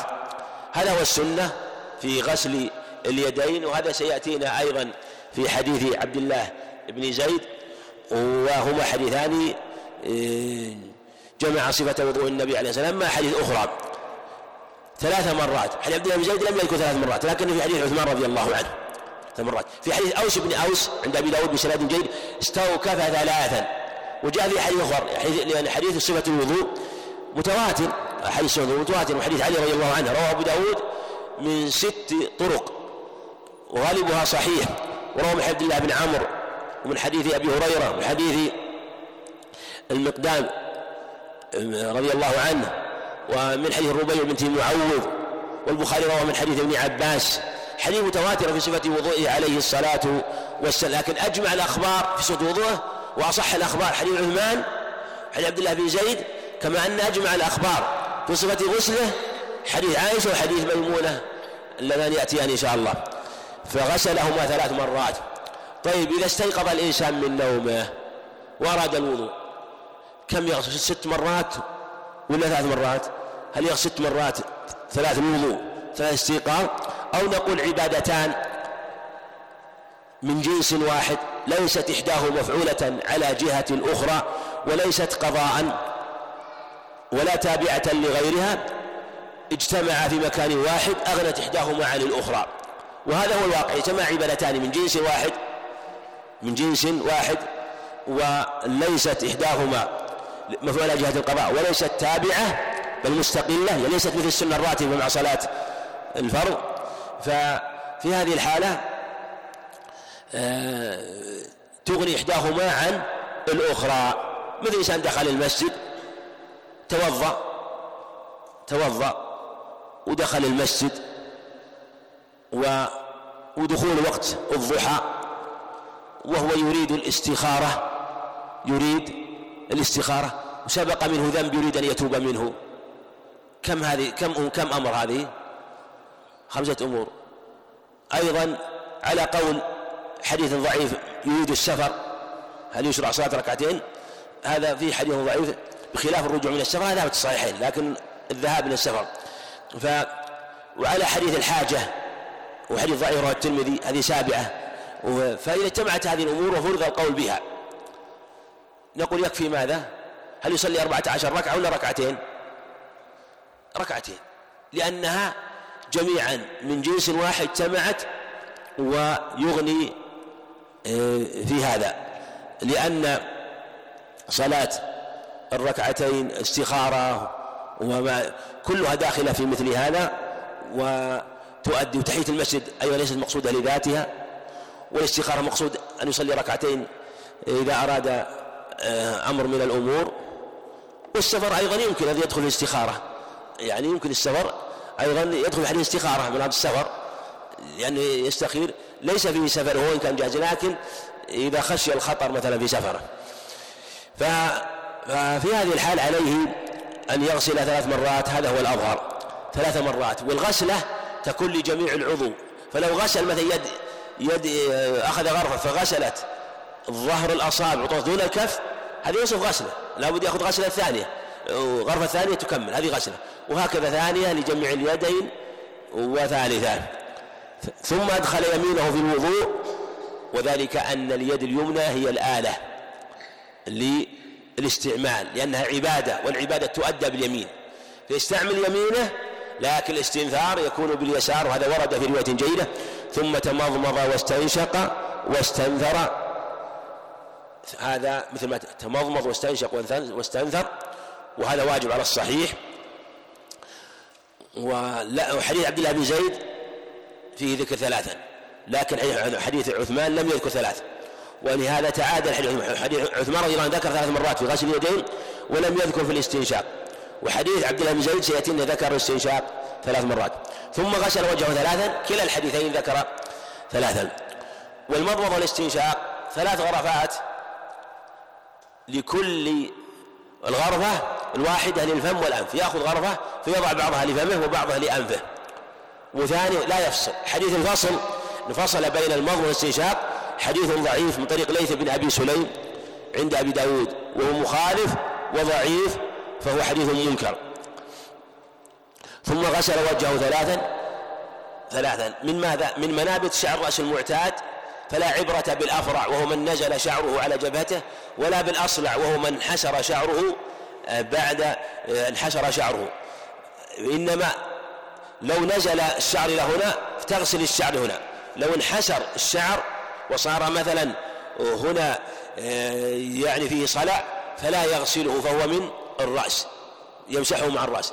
من منابت شعر الرأس المعتاد إلى من حدر من اللحيين والذقن طولا ومن الأذن إلى الأذن من وتد الأذن. فالبياض هذا داخل. ولا فرق على الصحيح بين من له لحية ومن ليس له. بعض فرق بينه اللحية وليس له لحية والصواب أنه ليس لا فرق. فيغسل وبعض الناس ربما يغفل عن هذا البياض. فينبغي التنبه لهذا. هذا البياض داخل في غسل الوجه. يجب غسله. يجب غسله. ولو فرض أنه لم يغسله. لم يغسله. حتى فرغ من الوضوء فإن كانت يبسة أعضاء وجب عليه يعيد الوضوء. وإن كانت لم تيبس فإنه يغسل الموطن الذي لم يغسله ثم يكمل لأن الترتيب واجب. وإن يبست فيجب الإعادة لأن الموالاة واجبة. الموالاة واجبة. ويديه إلى المرفقين ثلاثا. هذا ثبت هذا في حديث آه، عبد عثمان رضي الله عنه. حديث عبد الله بن زيد مرتين كما سيأتينا أليس كذلك؟ نعم مرتين. وجاء في رواية عند مسلم أنه آه ثلاثا. بن زيد كما سيأتي. ثلاثا هذا ويديه المرفقين. يعني من أطراف الأصابع إلى هنا. ثم أيضا ينبغي إنسان إذا غسل وجهه بعض الناس يغسل من الرسغ إلى المرفق. يغسل من الرسغ إلى المرفق. والصواب أنه يجب أن يغسل من رؤوس الأصابع. رؤوس الأصابع. إلا إذا قيل إن الترتيب ليس بواجب ثم نوى حينما غسل يديه نوى رفع الحدث عنهما نوى والترتيب ليس بواجب فغسل فهذا ماشي على هذا القول. لكن قول ضعيف مرجوح والصواب وجوب الترتيب ولا أدلة معروفة. قد جاء فاحسن وضوءك في حديث عمر حديث جابر وحديث أيضا بعض أزواج النبي عليه الصلاة والسلام أنه قال كذلك وكذا حديث أنس عند أبي داود وأحمد أمر يعيد الوضوء والصلاة ومن طريق بقية وصرح عند أحمد رحمه الله بالتحديث وأمر أن يعيد عليه الصلاة عليه الصلاة والسلام لأنه لم يوالي. والترتيب كذلك واجب فيه لأن الله ذكره مرتبا والنبي توضأ مرتبا والقاعدة الأصولية بيان المجمل الواجب واجب. بيان وهكذا توضأ النبي عليه ولم ينقل أنه آه، لم يرتب إلا في حديث واحد رواه داود من طريق عبد الرحمن ميسر الحضرمي وفيه أنه بدأ بغسل اليدين قبل المضمضة والاستنشاق فهذا إن ثبت فهو في المضمضة والاستنشاق مع أن الحديث مخالف للأخبار الصحيحة وإن كان ظاهر سند السلامة لكن مثل هذا لا يقبل عند الحفاظ رحمه الله عليهم لأن القاعدة أن الراوي الصدوق الذي يروي مثل هذا الخبر الذي لا يحتمل من أمثاله فإنه عند المتقدمين خبر منكر. وهذا أيضا نستفيدها يعني بعض الأخبار قد لا نجد حكم للمتقدمين لكن نفهم من قواعدهم ونعرف من طرقهم في التعليل أن مثل هذا عندهم من باب المنكر. وأهل العلم يقيسون في باب التعليل ولهم نظر واستنباط في باب التعليل. لمن نظر في كتب آه، ابن أبي حاتم رحمه الله في الجرح والتعديل وكذلك الدار قطني في العلل والإمام أحمد رحمه الله. قال ثم مسح ثم مسح برأسه. مسح برأسه. سيأتي في صفة مسح الرأس وأنه من منابت شعر رأس المعتاد حتى أسفل الرأس ثم يرجع مرة أخرى كما سيأتي. ثم غسل كلتا رجليه ثلاثا. حديث عبد الله بن زيد ليس فيه التكرار غسل الرجلين ثلاثا. ثم قال رأيت النبي صلى الله عليه وسلم توضأ. نحو هذا. نحو الوضوء هذا وقال من توضأ نحو وضوء هذا ثم صلى ركعتين لا يحدث فيهما نفسه وغفر له ما تقدم من ذنبه. هذا على ظاهره وأخذ به ابن المنذر وجماعة من العلم وذهب بعض العلم إلى أن الأعمال أن مثل هذه الأعمال تكون سببا في تكفير بعض الذنوب وربما تكون سببا في تكفير الكبائر مع النية الصادقة في هذا العمل. لكن ينبغي أن يعلم إنسان لا يغتر. ولهذا جاء في رواية في البخاري رحمه الله أنه عليه الصلاة لم يذكر البخاري رحمه في كتاب الطهارة قال فلا تغتروا فلا تغتر لا تغتر بعملك بهذا الأجر العظيم. وتقول إني عملت لا بل يكن مقامك وحالك حال الانكسار والانطراح وتكون دائما عند عتبة العبودية. ثم ذكر مصنف رحمه الله حديث عبد عمرو بن يحيى المازني عن أبيه قال شهدت عمرو بن أبي الحسن سأل عبد الله بن زيد عن وضوء وعبد الله بن زيد هذا ابن عاصم ولا ابن عبد ربه؟ ابن عاصم المازني بخلاف عبد الله بن زيد بن عبد ربه هذا هو راوي حديث ماذا؟ عبد الله بن زيد بن ربه راوي حديث ماذا؟ حديث مشهور له. الأذان الرؤيا الأذان. عبد الله بن زيد بن عاصم في الوضوء. وقد وهم ابن عيينة رحمه الله. مع حفظه؟ فخلط بينهما في هذا الحديث رحمه الله. وهذا يبين الإمام وإن كان حافظ قد يخطئ؟ ولهذا يقول يحيى معين أنا لا أعجب أن الحافظ لا يخطئ لكني أعجب أن لا يخطئ. لهذا هناك يعني غلطات محفوظات لأئمة كبار رحمة الله عليهم معروفة ذكروها مع إمامتهم وحفظ رحمة الله عليهم. قال شهدت نعم قال عن سئل أنه سأل عبد الله بن زيد عن وضوء النبي صلى الله عليه وسلم فدعا بتور. بتور من ماء التور ما هو؟ إناء من حجارة. سمي تور من التوران وهو التردد. وأن تلحظ العربية سبحان الله في كلماتها بينها تناسب عظيم. انظر تور وثور. لا الفرق بينهما إلا النقطة التور من التوران وهو التردد. والثور إذا هاج هو يكون يتردد ويكون أيضا يستعمل لربما حرث الأرض فهو يتردد ويعالج الأرض. وسمي هذا الإناء تور لأن الماء يتردد فيه فأن تأخذ ماء وتعود ترجع يدك فيه وبعض الماء يرجع فيه فلأجل هذا سمي تورا. فهذا من حسن اختيار العرب في الألفاظ ولهم معاني أنيقة وعالية. آه، في هذه الألفاظ تحتها معاني وأيضا جاءت بها السنة لمن تأملها. فدعا بتور من ماء فتوضأ مثل ما تقدم في حديث عمر رضي الله عنه. سيأتينا أنه قال أتانا رسول الله صلى الله عليه وسلم. فتوضأ لهم وضوء رسول الله صلى الله عليه وسلم أو وضوء رسول الله صلى الله عليه وسلم فأكفأ على يديه من التور مثل ما تقدم. فغسل يديه فغسل يديه ثلاثا. نعم ذكر ثلاثا. ذكر ذكر ثلاثا مثل ما ذكر عبد الله مثل ما ذكر عثمان رضي الله عنه. كلاهما غسل يديه ثلاث اتفق في ذلك. ثم أدخل, أدخل يده في التور ثم اضمض واستنشق واستنثر ثلاثا بثلاث غرفات بخلاف عثمان رضي الله عنه لم يذكر ثلاثا. ثم أدخل يده في التور فغسل وجهه ثلاثا مثل ما تقدم في رواية عثمان. ثم أدخل يده في التور فغسلها مرتين. يعني المرة الأولى أمال الإناء حتى نظف الآلة. ولهذا غسل اليدين له أحوال. تارة يكون واجبا قبل الوضوء وتارة يكون متأكد الاستحباب وتارة يكون مستحب. يكون واجب إذا كان على اليد نجاسة يكون متأكد الاستحباب إذا كان عليها أذى من وسخ وإن لم يكن نجس. ويكون مستحب إلى تأكد حينما آه، لا يكون عليه شيء لكن يسن لك أن تغسل يديك وإن كانت نظيفة. أخذا بهذه السنة. أما عند النوم استيقاظ النوم فهذا تقدم خلاف هل هو واجب أو مستحب؟ يعني متأكد الاستحباب. ثم أدخل يده في التور فغسل وجهه ثلاثا كما تقدم ثم أدخل يده في التور فغسلها مرتين إلى المرفقين هذا رواية رواية عبد الله بن زيد وعثمان غسلهما ثلاثا. وجاء في رواية عند مسلم من حديث عبد الله بن زيد أنه غسلهما ثلاثا ثم أدخل يديه فمسح بهما رأسه فأقبل بهما وأدبر.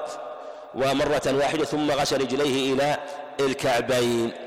يعني هنا في حديث عثمان رضي الله عنه أنه قال ثم مسح برأسه. حديث عبد الله بن زيد فسر ولهذا أخره وقدم حديث عبد الله بن عثمان لفضله وجلالته ولأنه أيضا في رواية عبد الله بن زيد رواية مفسرة وهو مسح الرأس.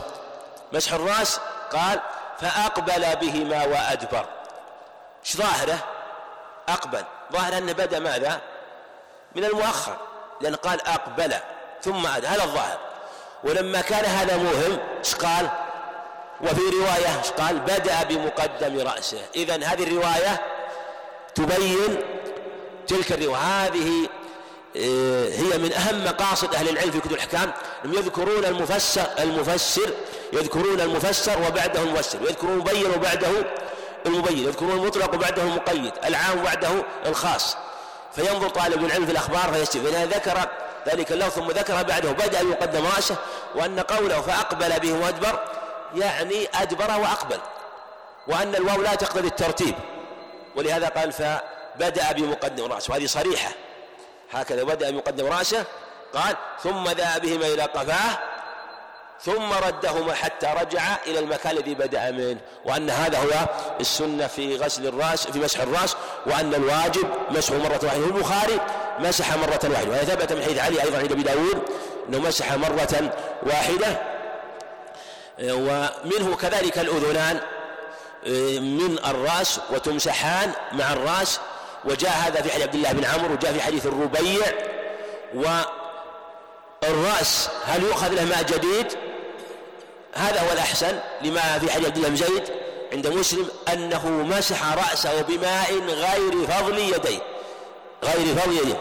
من حديث الربيع بن معول عند أبي داود بإسناد جيد من طريق عبد الله محمد بن عقيل أنه قال فأخذ أنه أخذ ماء أنه أنه مسح رأسه من فضل ماء كان بيده.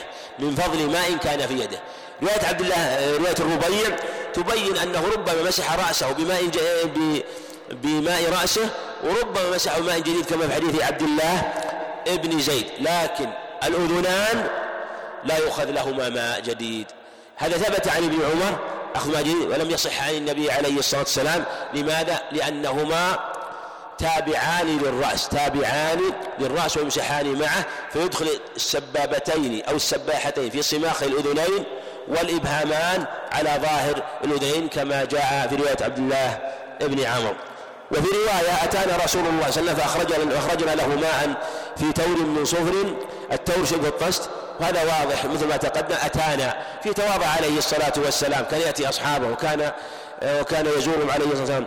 وفيه أيضا أنهم علموا أن من عادته أنه كان يتوضأ. وكان إذا دخل صلى عليه الصلاة والسلام هكذا كان فكان يعدون له الوضوء عليه مع أنه يكون على طهارة لكن كان من عادته أنه يتطهر.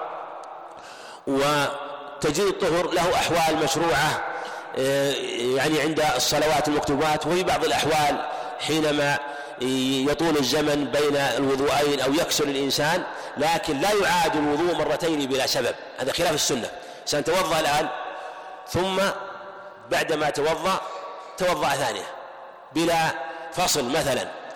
لكن آه، لو مثلا صلى ما شاء الله من سنن ثم آه، تعب ولا يتوضأ لا بأس سنة. أو توضأ للظهر ثم حضرت العصر فالسنة يتوضأ كما ثبت في صحيح مسلم بريد أنه عليه الصلاة والسلام كان يتوضأ آه، أنه عليه الصلاة والسلام. حديث أنس قال في البخاري أنه قال أنه كان يتوضأ لكل صلاة وقال احدنا ما لم يحدث يعني عند الوضوء حديث بريدة صحيح مسلم أنه عليه الصلاة والسلام صلى الصلوات بخم صلى الصلاة الخامس بوضوء واحد فقال عمر يا رسول الله صنعت شيئا لم تكن تصنعه؟ قال عمدا صنعته يا عمر. هذا واضح من حي بريدة أيضا أنه كان يتوضأ لكل صلاة عليه الصلاة والسلام وكان في أول أمر يتوضأ لكل صلاة طاهرا غير طاهر كما عند أبي داود بسناد جيد ثم نسخ ذلك وكذلك أمر بالسواك ثم نسخ ذلك واستقر الأمر على مشروعية التطهر لكل صلاة ثم لقوله تعالى يا أيها الذين قمتم الصلاة فاغسلوا وجوهكم. هذا دليل على ما أليس فيها دليل على مشروعية الوضوء للصلاة؟ ولو كنت طاهر ولا لا؟ ولا ما فيها دليل؟ يا أيها الذين إذا قمتم من فاغسلوا وجوهكم. ما فيها دلالة على مشروعية الوضوء؟ ولو كنت على وضوء ولا لا؟ وش وجه الدلالة؟ وش وجه الدلالة؟ هل يجب؟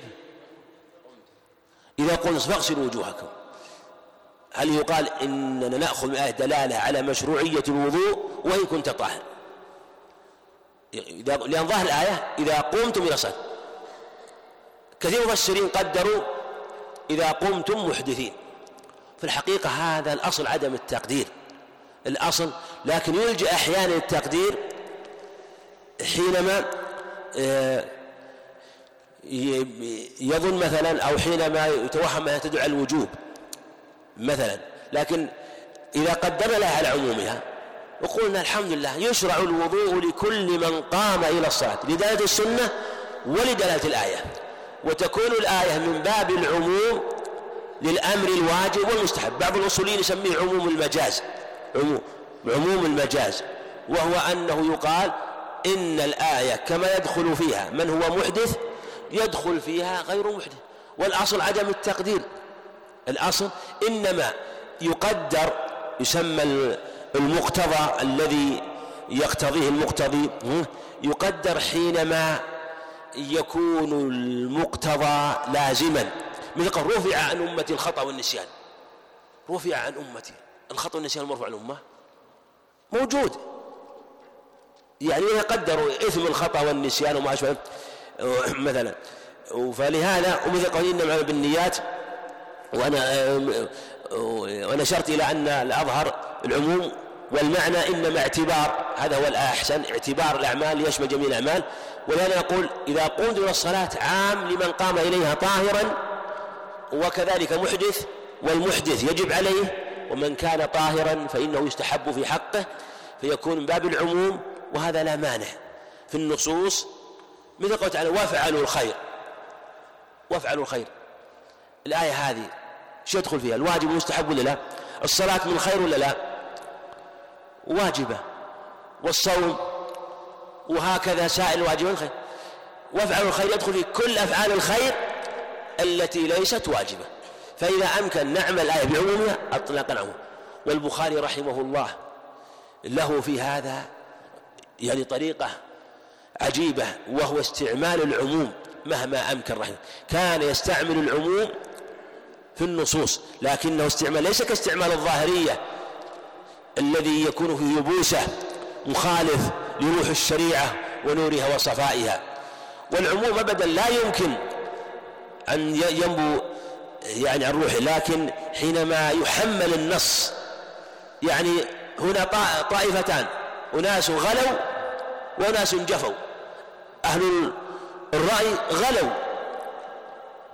أو يعني وبعضهم جفى في ادعاء عمومات حتى نفى بها قياسات صحيحة معاني صحيحة. وبعضهم ضيق وبالغ في القياس والمعاني حتى دخل في معاني وقياسات باطل الشريعة وسط بين هذين الطرفين. نعم. قال فأخرجنا ماء في تور من صفر من صفر وفيه أيضا إشارة إلى أنه إلى جواز الوضوء في الآنية من صفر ومن نحاس ونحو ذلك. عن عائشة رضي الله عنها قالت كان رسول الله صلى الله عليه وسلم يعجبه التيمم في تنعله وترجله وطهوره وفي شأنه كله. عند مسلم في تطهره يتطهر وفي تنعله إذا تنعل وفي ترجله يترجل عليه الصلاة والسلام وفي شأنه كله. وفي شأنه كله. وهذا استدل به المصنف رحمه الله على مشروعية التيمم في الوضوء والجمهور على أنه مستحب وذهب بعض أهل العلم إلى الوجوب وهو ظاهر اختيار شيخنا الشيخ باز رحمه الله الذي قرره أنه يجب البداءة باليمين قبل الشمال خلافا للجمهور في اليدين وفي الرجلين. وكذلك سائر النصوص الأخرى التي آه، جاء فيها الأمر. وذلك أن توضأ النبي عليه الصلاة والسلام ولم يحفظ أنه قدم الشمال على اليمين. والقاعدة كما تقدم أن بيان المجمل واجب واجب. يعجب التيمم في تنعله وترجله في كل وفي شأنه كله. وهذا لأجل نفي المجاز أو نفي التخصيص يعني في كل شيء.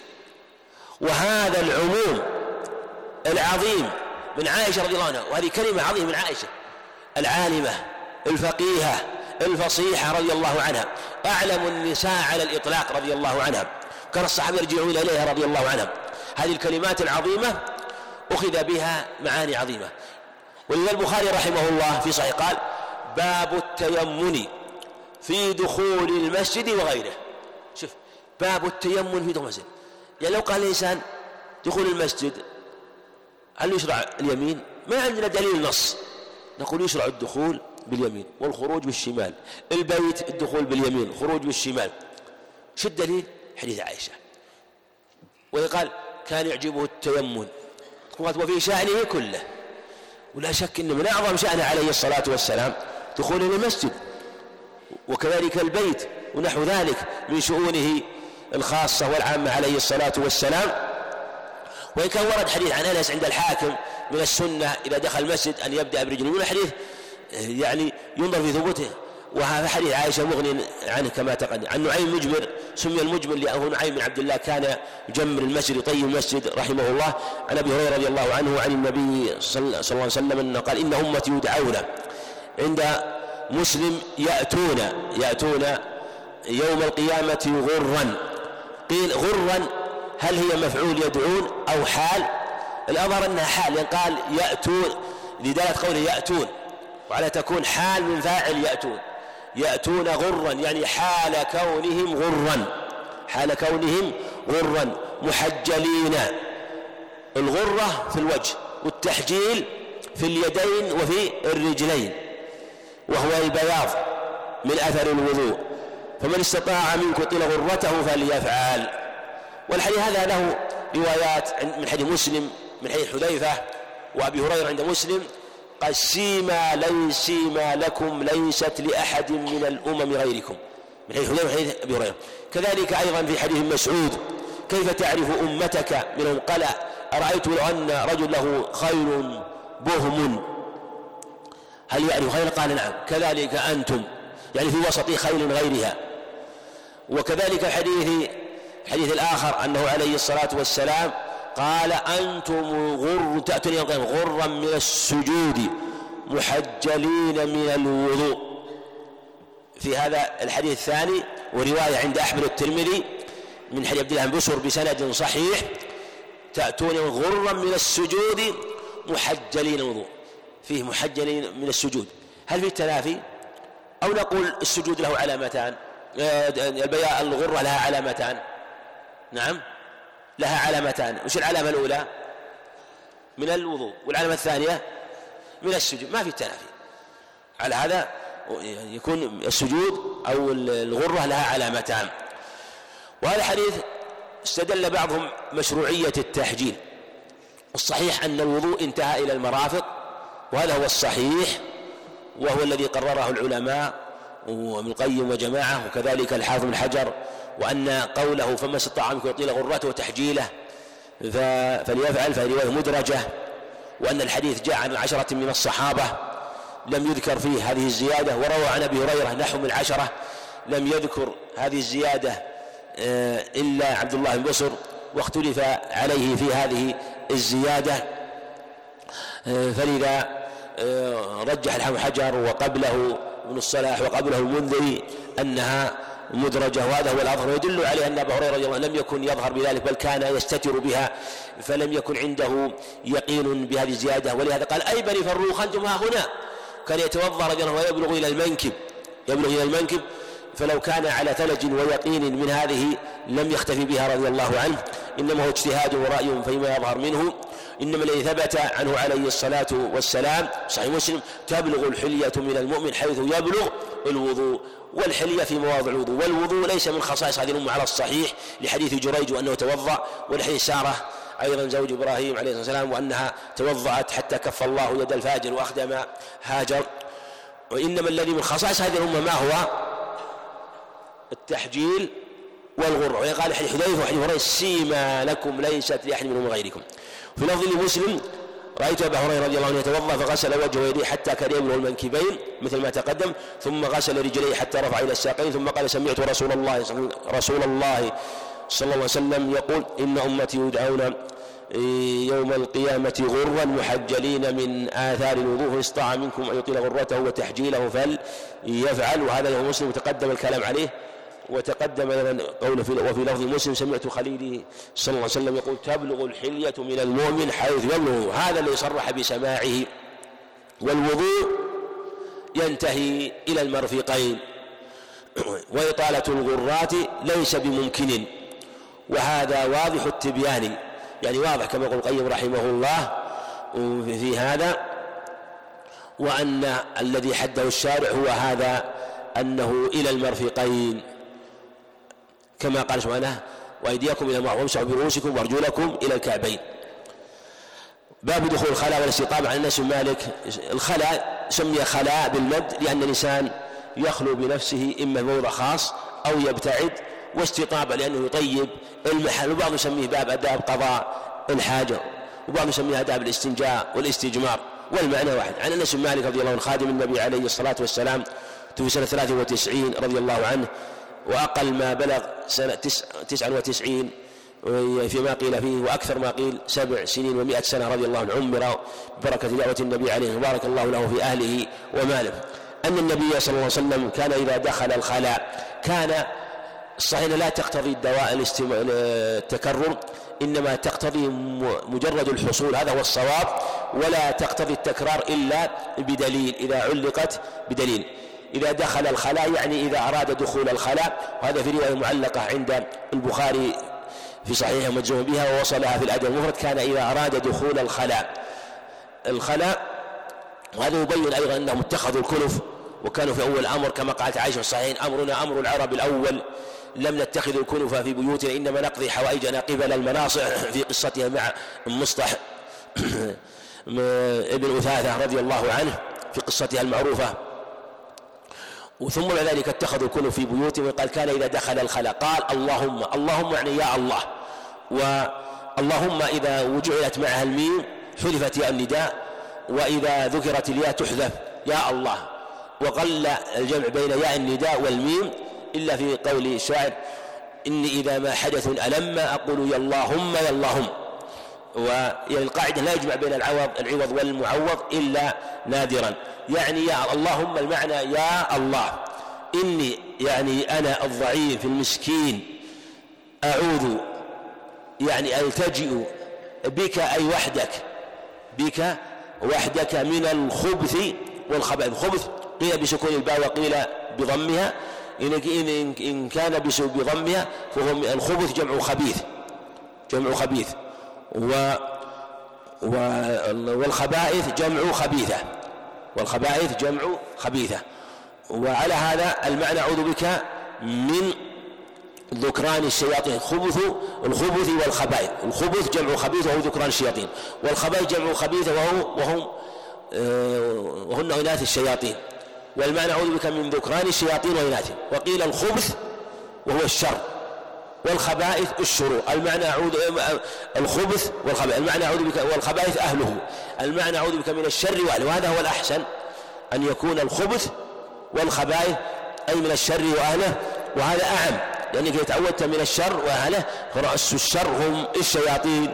وخاصة في هذه المواضع التي تكون مكانا لهم غالبا مواضع الخلاء ونحوها والأماكن الموحشة في الخلوات والبراري.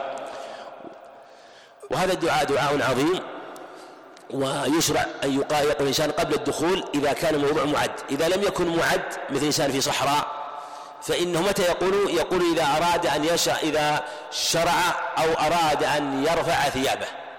فإنه بمجرد إرادتك رفع الثوب لقضاء الحاجة يكون موضع موضع خلاء. فتبادر أن تقول قبل أن تنزع ثيابك. اللهم إني أعوذ بك من الخبث والخبث ويسن التسمية لما روى المعمري بسند على شرط مسلم يقول الحافظ رحمه الله أنه عليه الصلاة والسلام قال إذا دخلتم الخلاء فقولوا بسم الله.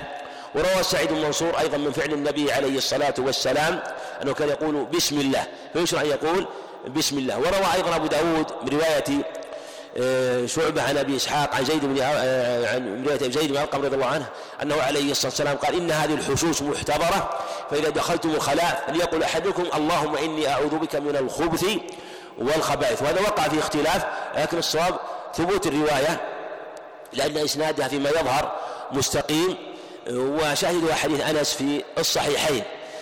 اللهم إني أعوذ بك من الخبث والخبث ثم بين العلة إن هذه الحشوش محتضرة تحضرها الشياطين. وعند الخروج من الخلاء يقول ما ثبت عند أهل السنن عند أحمد وبعض أهل السنن غفرانك غفرانك هذا دعاء يشرعه حديث جيد حديث جيد. طريق يوسف بن أبي بردة عن أبيه أبو بردة عن عائشة رضي الله عنها أنه عليه الصلاة والسلام كان إذا خرج من الخلاء قال غفرانك المعنى أسألك مغفرتك أو اللهم اغفر لي. يقول المصنف رحمه الله الخبث الخبث بضم الخاء والباء جمع خبيث والخبائث جمع خبيثة استعاذ من ذكران الشياطين وإناثهم على أحد القولين. وتقدم القول الثاني. عن أبي أيوب الأنصاري رضي الله عنه هو أبو أيوب الأنصاري اسمه زيد بن خالد. زيد بن خالد الأنصاري أو خالد بن زيد خالد خالد بن زيد خالد بن زيد. وفي هناك زيد بن خالد الجهني صحابي آه أيضا.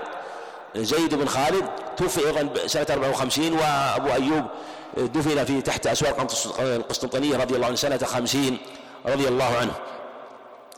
قال قال رسول الله صلى الله عليه وسلم إذا أتيتم الغائط يعني المكان المطمئن إيش معنى الغائط؟ المكان المطمئن. المكان الغائط أصله المكان المطمئن. هذا الأصل. لكن أطلق عرفا على الفضلة. وهذه من الأشياء التي يطلق المحل ويراد الحال. يطلق المحل الغائط ما هو؟ هو المكان المنخفض ولهذا في الحديث في أرض في بل... أنه يعني يكون خير مسالحهم أو من الأماكن التي تكون في آخر الزمان بغائط من الأرض يعني في بلاد الشام. في بلاد الشام في بغائط من الأرض وهو المكان المطمئن.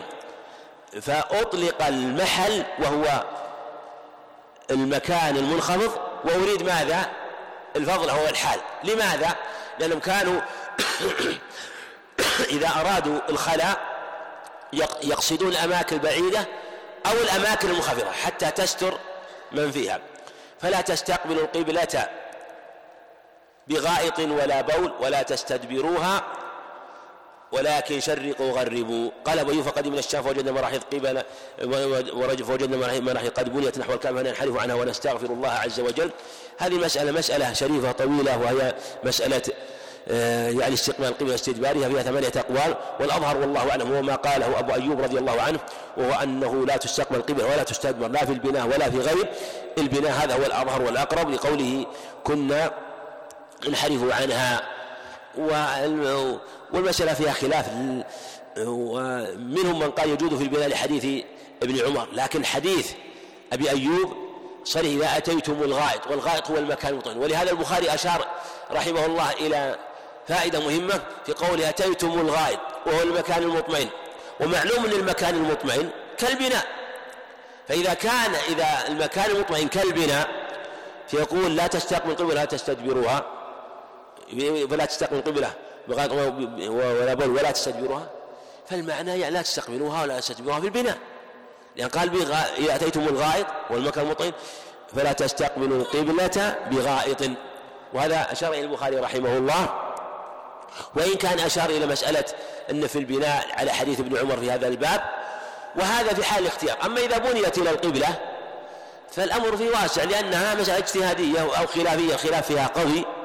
فإذا كان الإنسان أمكن أن ينحرف فلا بأس وإن لم يمكنه أن ينحرف فلا يضر خاصة إذا خشي من الأذى والنجاسة.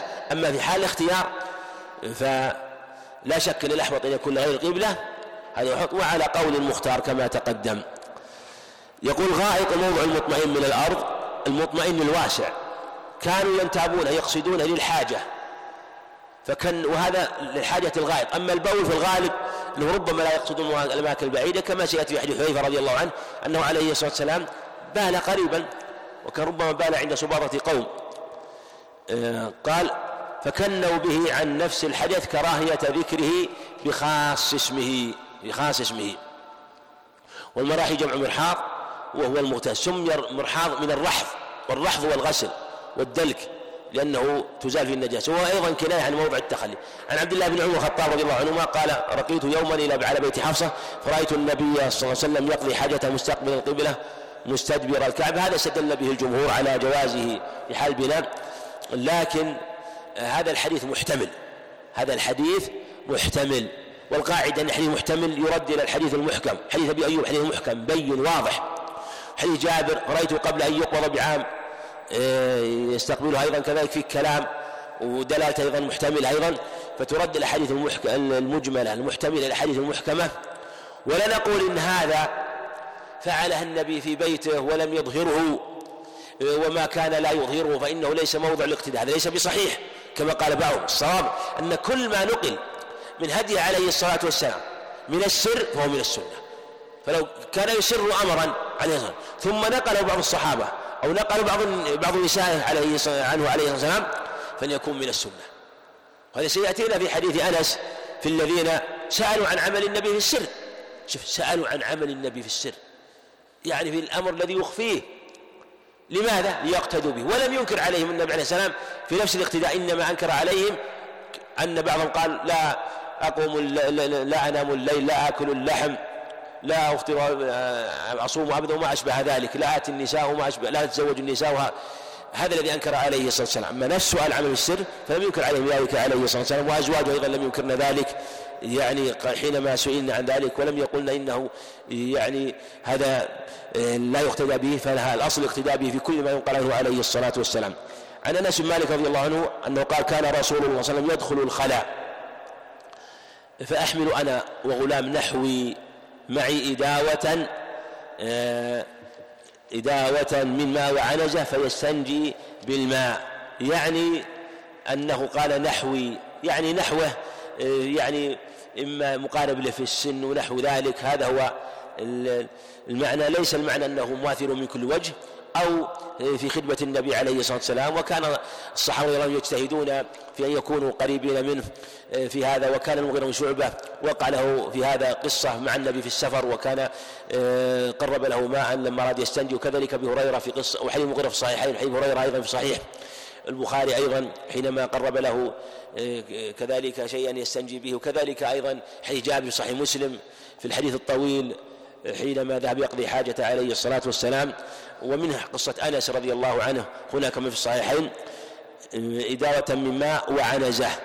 إداوة هي من جلد الصميل الصغير الذي يكون فيه يوضع فيه اللبن أو الماء ونحو ذلك. وعنزة وهي عصا لها زج عصا يعني في رأسها حديدة بمعنى أنه يستفاد يحفر بها الأرض وما أشبه ذلك فيها زج وهي حديدها المدببة والمحددة فيستنجي بنو ثم أيضا إذا كان لها رأس ينتفع بها الإنسان إذا أراد أن يركزها في الأرض فتثبت لأجل أن تتخذ سترة. فتمسك وتثبت تنغرز في الأرض وحتى يتخذها سترة. أيضا لو أراد أن يدفع بها شيئا وكان النبي عليه والسلام يكون في يديه شيء عليه الصلاة والسلام والإنسان يدفع بها أحيانا إذا احتاج الأذى الذي قد يعرض به من حشرة أو هامة ونحو ذلك. فيستنجي بالماء وكان يأخذ عليه الصلاة والسلام يستصحب العنزة معه في سفره وقال عن عمر بن عمر رضي الله عنه ومن ثم اتخذها الأمراء سنة. يعني العنزة حتى تكون سترة في الصلاة. هذا لعله يأتي إن شاء الله. فيستنجي منه. وفيه دلالة على مشروعية الاستنجاء بالماء. وأن هذا هو الصواب وهو قول عامة أهل العلم. وفي خلاف عن أنس عن حذيفة رضي الله عنه رواه ابن أبي شيبة عن بإسناد صحيح أنه كان لا يرى استنجاء بالماء ويقول لا تزال يدي في نتن وهذا لعل ما خفي عليه رضي الله عنه. والصواب أن الاستنجاء بالماء مشروع والتراب كذلك والسنة الجمع بينهما بالتراب أولا أو نحوه إذا أمكن. آه، ثم آه، يخفف ثم بعد ذلك يكون بالماء يكون بالماء فيجمع بين المطهرين. نعم العنزة الحرب الصغيرة. عن أبي قتادة والحارث بن ربعي الأنصاري رضي الله عنه اختلف في سنة وفاته قيل 37 والصحيح الذي رجح العلامه القيم رحمه الله وبرهن عليه بالأدلة في حاشية السنن على لعل على حديث أبي حبيد قال كنت في عشرة من أصحاب النبي صلى الله عليه وسلم ذكر أو أو قال أو ذكر صفة صلاة النبي صلى الله عليه وسلم في عشرة من أصحابه وقال أنا أعلمكم بها فقصها و إيه، وفيه ذكر أبي قتادة في الحديث ورجح ابن القيم رحمه الله بالأدلة البينة أنه توفي سنة 54 للهجرة وفيه دلالة على إثبات سماع بعض التابعين ممن نفى سماعه سماعهم منه بناء على أنه تقدمت وفاته سنة 37 رضي الله عنه أن النبي آه، صلى الله عليه وسلم قال لا يمسكن هذا نهي مؤكد من التوكيد الثقيلة والنهي قد يكون مجرد نهي وقد يكون نهي مؤكد وهذا يقع في الشريعة كثيرا. أحدكم ذكره بيمينه في النهي عن مس الذكر باليمين وهو يبول الواو هنا للحال وجملته هو يبول أو يعني الجملة هو يعني والحال يقول هل هو قيد؟ هل هو قيد؟ هل هي قيد مقيدة لعاملها أو ليست قيدا لعاملها؟ أو يقال وإنها وإن كانت قيدا لكنها آه، تنبه على المعنى وهو أنه يعني يكون في حال يكون في حال أخرى من باب أولى من باب أولى النهي عنه النهي عنه وذلك أن النهي عن مس البول فيما عن مس اليدين باليمين تكريم اليمين. ليس المقصود يعني ذكر النهي عن تغيير البول خشية التنجيس هذا صحيح. ثم أيضا تكريم اليمين وإذا كان نهي عن في حال بول ففي غير حال بول قد يقال أولى وقد يعلل بخشية إصابة النجاسة. لا يكون المفهوم له يكون النهي عنه في غير حال البول من جهة أن اليمين للتكريم وكانت يمين النبي عليه الصلاة والسلام بطعامه وشرابه وما كان من نحو ذلك كما صح عند أبي داود من حديث فاطمة وعائشة رضي وكانت شماله لوضوئه وحاجته. هذا صريح أن اليمين للأخذ والإعطاء والتناول وليس مس الذكر من ذلك فإنه يكون بالشمال. هذا المعنى كلما تأملته آه، يعني ظهر لك قوته ظهر لك قوته. ثم أيضا وجاء عن علي وجاء عن عثمان رضي الله عنه آه، من رياه عند ابن ماجه وأحمد آه، بسند لا أذكر حاله وإن كان أذكر في ضعف يحتاج إلى مراجعة.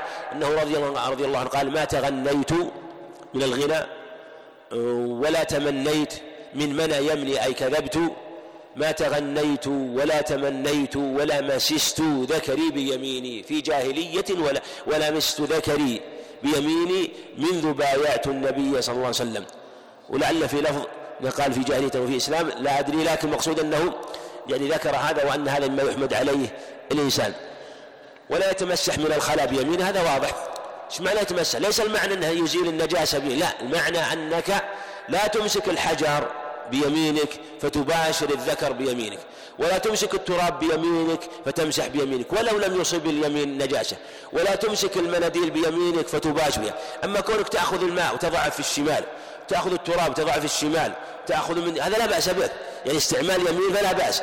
لكن كونك تضع التراب أو تزيل النجاسة بالتراب الذي في يمينك. تزيل النجاسة بالمنديل الذي في يمينك. وهكذا. والماء الذي في يمينك. هذا الذي لا وهذا ورد أيضا في عدة أخبار عن النبي عليه الصلاة والسلام. ولا يتنفس في الإناء المعنى أنه يتنفس داخل الإناء هذا المعنى. لا النبي عليه الصلاة والسلام كان يتنفس ثلاثة كما الصحيحين عن أنس. وعند مسلم زاد يقول هو أهنأ وأمرأ وأبرأ. المعنى أنه يتنفس خارج الإناء. وعن عبد الله بن عباس ودلالته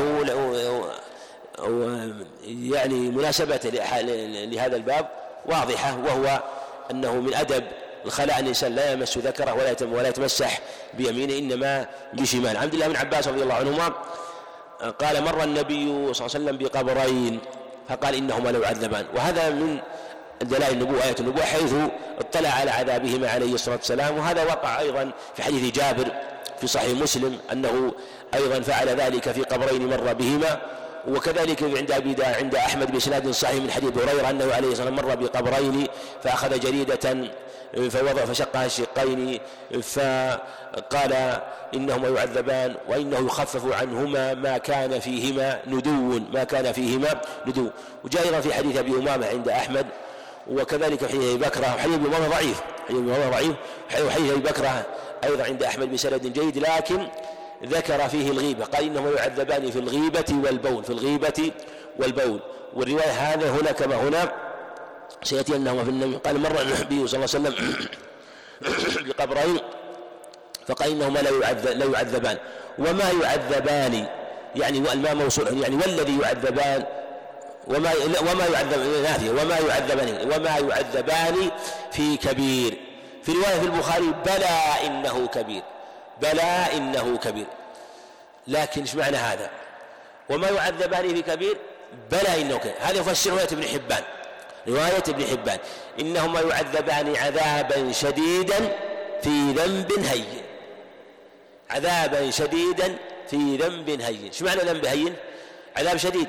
في ذنب هين اجتنابه. ذنب هين. يعني أنه ليس في اجتنابه مشقة. إنما يكون بعدم العناية والمبالاة وعدم المبالاة فيتلطخ بالنجاسة وتصيبه في بدنه وثيابه.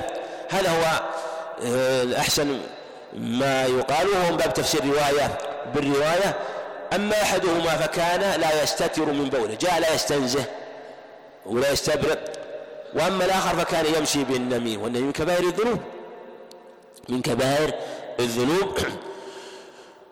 فأخذ جريدا رطبا فشقها نصفين عليه عليه عليه الصلاة والسلام. فغرز في كل قبر واحدة من هاتين من آه هذه الجريدة التي شقها. فقالوا يا رسول لما فعلت هذا؟ في استفسار الصحابة رضي الله عنهم قال لعله يخفف عنه ما لم ييبسا ما لم ييبسا وهذا أمر خاص بالنبي عليه الصلاة والسلام. ولا يعلم إلا من جهته ولا يشرع فعل هذا الشيء. وما فعله بريدة رضي الله عنه كما روى البخاري عنه معلقا هذا من اجتهاده خالفه سائر الصحابة والصواب أنه خاص به عليه الصلاة والسلام دلالة على أن من أسباب عذاب القبر البول وأن عذاب القبر حق وهذا محل إجماع من أهل السنة. وذهب أهل العلم إلى أن من أنكره فإنه مبتدع ضال وصرح جمع من العلم بكفره صرح جمع لأنه منكر الأخبار المتواتر عن النبي عليه الصلاة والسلام والقرآن لم يأتي في نص إنما جاء ظاهر النار يعرضون عليها غدوا وعشية ويوم تقوم سأدخل آل فرعون أشد العذاب. وكذلك أغرقوا فأدخلوا نار أغرقوا فأدخلوا قال الفعل التعقيد أغرقوا فأدخلوا. فظاهر هذا ما بعد الإغراق إلا الموت والموت بعده القبر. فجاء الفعل التعقيد فظاهره أنه نار عذاب القبر. إنما أدلة ظواهر من السنة إنما جاءت النصوص المتواترة في السنة ولهذا أجمع العلماء على ذلك. بل صرح جمع العلم من المتقدمين بكفره ممن صرح بذلك آه، علاء الدين العطار رحمه الله في شرحه العدة العمدة. وكذلك لعل يوجد في كلام مع المتقدمين من أهل العلم آه، أيضا آه، لكنه ضال بالإجماع مخالف للنصوص. وكثير من يصرح بمن ثبت عنده نص نص صريح. وخالفه عنادا يكفر بذلك. خالفه عنادا ومكابرة للنصوص. لكن ما دام تأول شبهة فهذا ينفي عن التكفير. وإن كان تأويله باطلا ما دام عنده شبهة لكن إذا قامت عليه الحجة التي تقوم على أمثاله ولم يبقى شبهة يحكم عليه بما يحكم على أمثاله المنكرين للنصوص الذي يكون إنكاره في هذه الحالة مكابرة. الستار يعني كون يستتر يعني يستنزه يضع بينه سترة. والمعنى ليس المعنى سترة يعني وقاية بأن يحترز حينما والنبي عليه الصلاة والسلام لما أتى سباطة قوم بال قائما ما جلس عليه الصلاة والسلام. مع أن هذه كان يقول جالسا والعلة والله أعلم كما قال بعض العلماء لأن السباطة هذه كانت مرتفعة. فلو بال جالسا ربما أصابه شيء من رشاش البول عليه الصلاة والسلام. وجاء في حديث جيد رواه أحمد بن ماجه بإسناد على شرط الشيخين أكثر عذاب القبر من البول. باب السواك. السواك مصدر ساك يسوك وهو التحريك بالمعنى أنه يدلك فمه وأسنانه ولسانه بالسواك. السواك يكون على الأسنان ويكون على اللثة ويكون على اللسان. عن أبي هريرة رضي الله عنه عن النبي صلى الله عليه وسلم قال لولا أن أشق على أمتي لأمرتم بالسواك عند كل صلاة. هذا لفظ مسلم عنده ولفظ البخاري مع لفظ البخاري مع كل صلاة. وروى أحمد وروى البخاري معلقا مجزوما وعند أحمد موصولا بسند صحيح لولا أن أشق على أمتي لأمرتم بالسواك عند كل صلاة ومع كل وضوء. ذكر الوضوء ذكر الوضوء. وأيضا ثبت هذا المعنى أيضا من حديث زيد بن خالد أو جاء هذا المعنى زيد بن خالد عند أحمد والترمذي أيضا لأمرت بصلاة العشاء تؤخر إلى ثلث الليل وبالوضوء بالسواك مع كل صلاة. وثبت في حديث عائشة آه، أيضا عند أحمد بإسناد صحيح أنه عليه الصلاة والسلام السواك مطهرة للفم مرات للرب. وجاء من حديث ابن عمر عند أحمد وحديث بكر عند أحمد وحديث ابن حبان عند أبي هريرة. لكن حديث ابن حبان وحديث أبي بكر معلولان وحديث ابن عمر لا بأس به. والحديث صح من حديث عائشة وجاءت حديث كثيرة عن النبي عليه الصلاة والسلام في السواك في دخول البيت حديث عائشة أول ما يبدأ بالسواك كان أول ما يبدأ إذا دخل بيته بالسواك عليه الصلاة والسلام في صحيح مسلم رواية المقدام بن شريح بن عبيد الحضرمي عن أبيه عن عائشة رضي الله عنها أنها سئلت بأي شيء كان يبدأ؟ قال بالسواك. حين زيد بن خالد الجهني عند الطبراني بأي شيء كان يبدأ؟ إذا خرج من بيته قال كانت بالسواك. حديث أنس عند البخاري أنه عليه الصلاة والسلام قال أكثرت عليكم في السواك. وجاء في حديث من طرق رواه أبو نعيم في السواك وغيره أنه صلاة بسواك خير من سبعين صلاة بغير سواك وهو من طريق ابن إسحاق وعلف العلماء مصنفات مستقلة في باب السواك منهم السفاريني رحمه الله له مصنف في السواك فالسواك فضائله كثيرة ونظم بعضهم نظما خاصا في السواك وله أحكام كثيرة لكن ذكر مصنف رحمه الله لتأكده عند الوضوء. ومن واخذ العلماء من ذلك أنه لا بأس به أيضا للصائم لأنه قال عند كل عند كل صلاة ومع كل صلاة وكذلك مع كل وضوء. ويشمل هذا كما أنه يشمل صلاة الظهر وبعد الزوال كذلك صلاة العصر. فلا بأس بالسواك للصائم في كل أحواله ولو بعد الزوال. عن حذيفة رضي الله عنه رضي الله عنهما وحذيفة بن العبسي رضي الله عنه توفي سنة ست وثلاثين آه، رضي الله عنه وصاحب سر النبي عليه الصلاة والسلام قال كان رسول الله صلى الله عليه وسلم إذا قام من الليل يشوص فاه بالسواك يشوص يعني يعني يموس مثل يموس وزنا ومعنى. شاص ويشوص وماص ويموس في الصحيحين من حديث حذيفة رضي الله عنه كان إذا قام من الليل ليتهجد. وعند النسائي بسند صحيح كنا نؤمر بالسواك إذا قمنا للصلاة. فعلى هذا هل مشروعية السواك عند عندما يقوم الإنسان على أي حال؟ أو حينما يقوم مثلا للوضوء أو للصلاة الأظهر والله أعلم أنه عند كل قيام. ولهذا في حديث عائشة عند أبي داود بإسناد جيد أنها رضي الله عنها قالت كنا نضع للنبي صلى الله عليه وسلم سواكه ووضوءه فإذا قام تخلى ثم استاك ولم تذكر التهجد رضي الله عنها. فدل على أنه يشرع ثم أيضا في قوله إنه كان أنه عليه كان يشوص فهو بالسواك. فالسواك يشرع عند تغير الفم ومعلوم أن الإنسان في النوم في الغالب أنه ربما يتغير رائحة الفم فالمعنى يقتضي ذلك ويدل عليه أيضا أن السواك في الحقيقة من سنن الدين من سنن الدين فهو يشرع في كل حال إلا في أحوال خاصة في الصلاة أو سماع الخطبة أو نحو ذلك وإلا في الأصل مشروعية السواك ومن ذلك من الأحوال وهو حال القيام من النوم الليل وكذلك أيضا في حديث علي رضي الله عنه أنه آه، الذي رواه البزار وابن ماجه واختلف فيه موقوفا ومرفوعا أنه عليه الصلاة والسلام قام قال إذا قام أحدكم من الليل فإن قال إن أفواهكم إن أفواهكم طرق القرآن فطيبوا أفواهكم. إن أحدكم إذا قام من الليل يقرأ قرب منه الملك حتى يضع فاه في فيه فما يخرج منه شيء إلا وقع في في الملك إلا في الملك. فقال فطيبوا أفواهكم بالقرآن. سيأتينا أيضا مشروعية السواك في حديث عائشة رضي الله عنها قالت دخل عبد الرحمن بن أبي بكر الصديق وهو أخوها رضي الله عنه آه، صحابي جليل. أسلم بعد ذلك رضي الله عنه عن النبي على على النبي صلى الله عليه وسلم وأنا مسندة إلى صدري وهذا في مرض وفاته عليه الصلاة والسلام ومع عبد الرحمن سواك رطب يستن به يدل على مشروعية السواك أنه دخل والسواك يستن به وهذا أخذه من سنة النبي عليه السلام وفعله بحضرة النبي عليه السلام وترى عائشة ذلك وهو داخل البيت فدل على أن السواك من السنن المشروعة وأنه من سنن الدين إلا في بعض الأحوال الخاصة آه، التي لا يحسن فيها استخدامه كما تقدم بمعنى أن يكون مشغول بسنن أخرى. قال آه، يستن فأبده يعني أبده مد نظره عليه الصلاة والسلام إلى السواك. فمده رسول الله صلى الله عليه وسلم بصره فأخذت السواك فقضمته فيه عليه الصلاة حسن خلقه حيث أنه يبده بصر حتى يستاك بسواك عبد الرحمن بن أبي بكر حسن عشرته عليه الصلاة والسلام حتى في مثل هذه الحال وحرصه على السواك وفي دلالة على أن السواك أيضا من الأحوال التي يشرع فيها حال الاحتضار إذا أمكن إذا أمكن الإنسان يستاك وفي حال الاحتضار فإنه من السنن ويستاك النبي عليه الصلاة والسلام وهو في حال الاحتضار. فإذا كان في حال الاحتضار من السنن المشروعة فكيف في غير هذه الحال؟ قالت فقضمته ونفضته فطيبته يعني قطعته رضي الله عنها ثم دفعته ثم دفعته إلى النبي صلى الله عليه وسلم فاستن به فما رأيت رسول استنى استنان أحسن منه. في لفظ أحسن استنان يعني استنى استنانا حسنا عليه الصلاة والسلام. وأن شدة المرض لم تمنعه من الاستنان الحسن. وهذا يدل على أن الاستنان أيضا له هيئة خاصة وأن الإنسان يعتني بالاستنان حينما يستعمل السواك؟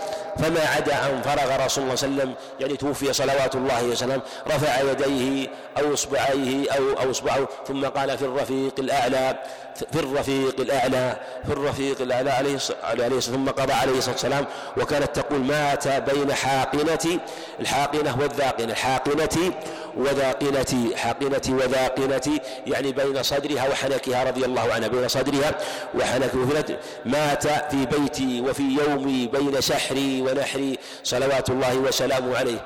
هذا من أعظم مناقبها رضي الله عنها حيث أنها أخبرت أنه في آخر يوم من أيام الدنيا جاءنا في رواية في آخر يوم من أيام الدنيا. هو أول يوم من أيام الآخرة له عليه الصلاة والسلام ومات بين صدرها وحنكها صلوات الله وسلامه فما يعني أن مال رأسه عليه الصلاة والسلام. وقال وسئلت هل أوصى؟ يعني وأنكرت ذلك رضي الله عنها حينما كان يدعي من يدعي أوصى لعلي رضي الله عنه.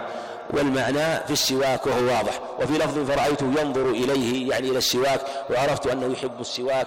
وهذا يعني من ذكاء وفطنتها رضي الله عنها. فقلت آخذه لك فأشار برأسه نعم في أن الإشارة يعمل بها. ما شاء الله. نعم.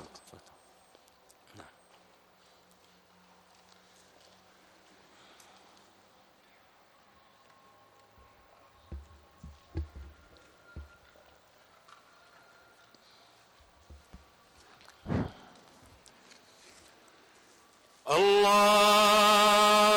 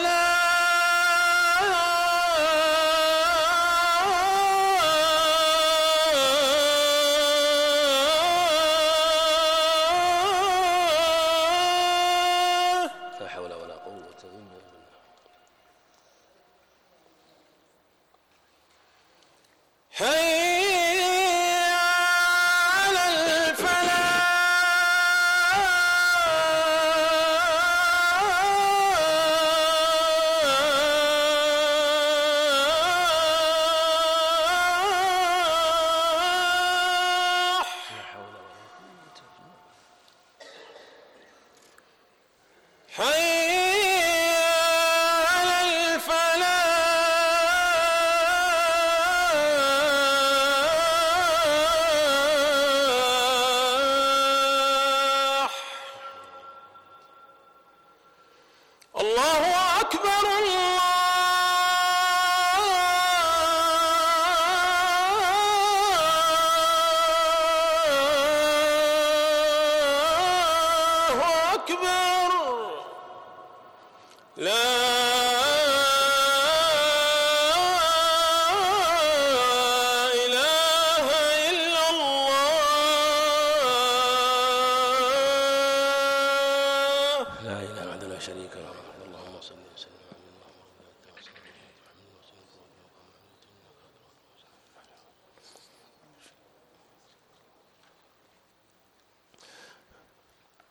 الحمد لله رب العالمين. يعني الوقت راح علينا والإخوان كان بدنا نتوقف المغرب وأنا الحقيقة ما انتبهت الوقت لكن لعل نراعي شانها والغد ونخفف بعد الكلام على الحديث نختصر أكثر من لأن الحديث كثيرة عشان حتى نأتي على المقدار المقدر. ونواصل ما تيسر إن شاء الله إلى الإقامة. عشر دقائق ولا ربع ساعة. زين اي خلاص بارك الله فيك. قال رحمه الله تعالى وعن أبي موسى قال وفي لفظ رأيت ينظر إليه وعرفت أنه يحب السواك فقلت آخذه لك فأشار برأسه أن نعم وهذا لفظ البخاري ولمسلم نحوه. وعن أبي موسى وعبد الله بن قيس الأشعري رضي الله عنه توفي سنة 54 صحابي جليل. رضي الله عنه قال أتيت النبي صلى الله عليه وسلم وهو يستاك بسواك رطب قال وطرف اللسان على لسانه ويقول والسواك فمه كأنه يتهوع. هذا من حق اللفظ ليس لفظ الشيخين وهو مثل ما تقدم كأنه ملفق من لفظ آه، أو مركب من لفظ البخاري ومسلم. ولا ذلك أن قوله السواك على اللسان ليس للبخاري إنما هذا لفظ مسلم. السواك عند أحمد إلى فوق يرفع على- فوق. وجاء في انه يستاك على لسانه. وهنا قال السواك على لسانه هذا واضح. وبالجملة الحديث من حيث في الص- متفق عليه من حيث الجملة. لكن الألفاظ فيها اختلاف وفي دلالة على مشروعية السواك على اللسان. وكما أن السواك إذا كان السواك يشرع على الأسنان فاللسان كذلك. لأنه ربما يكون الأذى اللي يعلق باللسان آه، مثل أو أشد من آه، الذي يكون على ال- الأسنان لأنه يمضغ به. وكذلك على اللثة اللثة فإنه يستاك عليها. ويقول أع أع عند هذا لفظ الصحيحين. أع أع ولفظ النسائي ع ع وعند أبي داود بسناد صلاه صحيح. إه إه همزة مع الهاء. وعند الجوزقي أيضا سلام صحيح. إخ إخ. هذه أسماء أصوات كلها تحكي الصوت الذي كان يقول عليه السلام. وهذا دلالة على المبالغة. كأن مثل الإنسان يريد يتقيأ يتهوع يتهوع يعني يتقيأ. وهذا لشدة مبالغة عليه الصلاة والسلام عليه الصلاة والسلام في السواك وأنه يجعل وهذا يبين كان يستاك على سقف فمه. يعني كان سوك أسنان يستاك على أسنان عليه السلام كذلك على اللثة على اللسان. أيضا في الغالب أنه يستاك عند أحمد إلى فوق. يبين كان يستاك على سقف فمه. والمقصود أن يزيل آه، يعني ما يكون في الفم لأن السواك كما تقدم مطهرة للفم مرضاة للرب باب المسح الخفين. الخفان وكذلك ما في حكمهما من الجوارب من صوف وقطن ونحو ذلك. والذي ثبت المسح اللي جاء في الحديث الصحيح الخفين. وجاء في رواية أخرى ذكر الجوارب. عن المغيرة بن شعبة الثقفي رضي الله عنه في سنة بعد الخمسين رضي الله عنه كان من دهاة العرب رضي الله عنه. قال كنت مع النبي صلى الله عليه وسلم في سفر وهذا جاء في رواية في البخاري في تبوك في تبوك. وهذه البلاد لها تاريخ عظيم وذكر في التاريخ في سير النبي عليه الصلاة والسلام مما تشره بهذه البلاد وغزوة تبوك المشهورة. قال فهويت لأنزع خفيه لأنزع خفيه. قال دعهما. دعهما فإني أدخلتهما طاهرتين فإني أدخلتهما طاهرتين. دعهما أي دع الخفين الضم الخفين. فإني أدخلتهما الضمير للرجلين اختلفت الضمائر. يبينه رواية أبي داود. دع الخفين فإني أدخلتهما القدمين أدخلت القدمين وهما طاهرتان.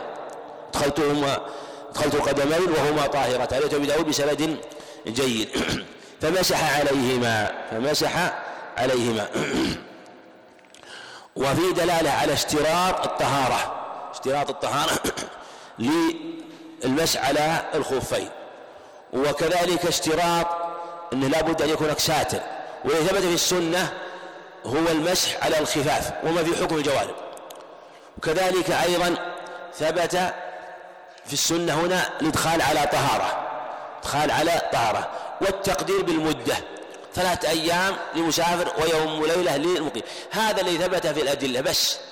وما زاد على ذلك كله من اجتهاد الفقهاء رحمة الله عليهم ثبت السنة المسح على الخفين ومعناه الجوارب وأن يدخلهما وهما طاهرتان وأن تكون المدة مقدرة. ثم سوى ذلك كل مواضع وقع فيها اختلاف وهي مسائل طويلة وكثيرة.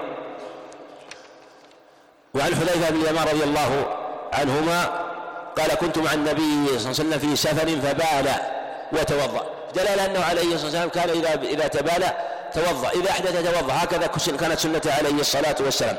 ومسح على خفيه. هذا الخبر ليس عند الشيخين بهذا اللفظ. إنما هذا له ولهذا لو قال المصنف رحمه الله وهذا لفظ مسلم كان أحسن. لأن البخاري لم يذكر ومسح على خفيه. لم يذكر ومسح على خفيه. وهذا الحديث الذي ذكره المصنف رحمه الله وأنا قد يمكن ذكرت سوف يذكر حديث أتى سبطة قوم إن مرت هذا الحديث حديث حذيفه فهذا أنه بال. أما حديث في سبطة قوم هذا في الحضر وهذا في السفر. حذيفة رضي الله عنه نقل قصة في الحضر وبوله عند سبطة قوم هذا في الصحيحين. ونقل قصة بوله ووضوءه في السفر في هذا الحديث. وفيه دلالة على المسح الخفين وحديث مسح الخفين كثيرة. عمرو حارث الحضرمي وحديث سعد في البخاري وحديث سعد بن وقاص في البخاري والأحاديث كثيرة في السنن في هذا الباب. ثبت عن النبي عليه الصلاة والسلام في المسح الخفين في السفر وفي الحضر. باب في المذي وغيره. عن علي رضي الله عن علي بن أبي طالب رضي الله عنه قال كنت رجلا مذاعا. يعني كثير المذي. ماذا يمذي؟ هو من المذي فاستحييت أن أسأل رسول الله صلى الله عليه وسلم. هذا هو الأصل عدم التكني عن الأمور التي يستحيا منها. إذا أمكن أن يؤتى أو أن تتعلم بطريق آخر. وهذا من الحياء الشرعي. إذا لم يمكن إلا بالسؤال فلا فقالت عائشة رضي الله عنها كما آه، عند مسلم وذكر البخاري معلقا مجزوم به نعم النساء نساء الأنصار. لم يمنعهن الحياء أن يتفقهن في الدين. فالحياء في الدين ضعف. الحياء في الدين في سؤالها ضعف وخور. إنما الحياء يمتنع عن المحارم والمحرمات. هذا الحياء الحياء من الدين الحياء خير كله. وما أشبه ذلك. الحياء لا يأتي إلا بخير. ويجوز التصريح أحيانا حينما يحتاج. قد يصرح بالأمر المستقبح عند الحاجة يعني قد يصرح بما بما يستقبح شرعا عند الحاجة. مثل قوله عليه الصلاة والسلام من تعزى بعزاء الجاهلية فأعظوه بهني أبيه ولا تكلوا رواه أحمد بن كعب بسند صحيح. كذلك في حديث حديث عائشة صحيح حتى يذوق عسيلته وتذوق عسيلته. وكذلك المرأة حينما قالت إنما معه مثل هدبة الثوب. هذا أمر استحي من ذكره غالبا ولا يحسن ذكره لكن حينما يحتاج على, على إليه لا بأس. من ذلك الرجل حينما أنكرت زوجته أنه يأتي قال يا رسول الله والله إني أنفضها نفض الأديم ولكنها إيه، ولما جاء بولده قال والله إنه أشبه به من الغراب بالغراب. يعني أنه ولده أنه ولده أن دعواك عليه إيه، يعني ليست صحيحة. فالتصريح عند الحاجة فلا بأس به. قال فاستحييت أن أسأل رسول الله صلى الله عليه وسلم لأنه وجد طريقا ذلك لمكان ابنته ولأن أمر يتعلق بالفراش وأمر النساء فأمر قال لمكان ابنته مني وهي فاطمة رضي الله عنها فأمرت المقداد بالأسود وهو المقداد بن عمرو نسب الأسود أنه تبناه في الجاهلية. فسأله فقال يغسل ذكره ويتوضأ يغسل ذكره. بدأ بغسل الذكر والواو ويتوضأ والواو لا تقتضي الترتيب. فإذا أمذى الإنسان حصل منه مذي فالواجب غسل الذكر. والأنثيين كما ثبت عند أبي يغسل ذكره وأنثييه. ويغسل ذكره وأنثييه كما في حديث في الحديث عبد الله بن سعد عند أبي داود. و بل في حديث في الحديث الآخر عند أبي داود مقصود بسنة صحيح ذكره وأنثيه. كذلك أيضا هنا قال وللبخاري اغسل ذكرك. هذه الحق ليست للبخاري هذه عند الإسماعيلي. هذه اغسل ذكرك وتوضأ. لماذا ذكرها؟ اغسل ذكرك وتوضأ. لأنه ذكر غسل الذكر والوضوء. والأصل أن يبدأ بالوضوء ثم يغسل الذكر. لكن قيل أن الواو لا تقتضي الترتيب. لفظ البخاري في الحق توضأ وغسل ذكرك. هذا لفظ البخاري توضأ وغسل ذكرك. مثل لفظ مسلم توضأ وانضح فرجك. توضأ فالسنة أن يبدأ الإنسان بالوضوء ثم ينضح فرجه ويغسل فرجه. وهذا صريح في أن الفرج غسل للفرج. بالذكر والأنثيين. ولمسلم يغسل ذكره ويتوضأ. ولو غسل ولو توضأ الإنسان أول ثم غسل ذكر هل يجزئ؟ في خلاف لأنه يعني غسل ذكر بدون أن يمسه. ذهب بعض إلى أنه يجزئ لكن المشروع غسل الذكر أول والأنثيين ويكون الغسل لجميع الذكر لجميع الذكر ولجميع الأنثيين لما ورد في الحديث. يغسل ذكره وأنثييه. وهل تشترط النية في هذا؟ هل تشترط النية في هذا؟ يبتني على مسألة الغسل. هل هو عبادة أو تعبد أو معقول المعنى؟ وهذا يأتي الإشارة إليه إن شاء الله في بقية الأخبار. والله أعلم. وصلى الله وسلم على نبينا محمد.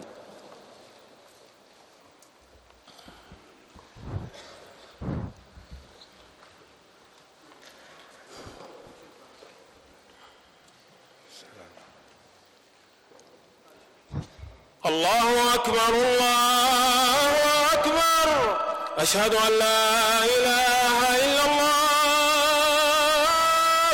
أشهد أن محمدا رسول الله. حي على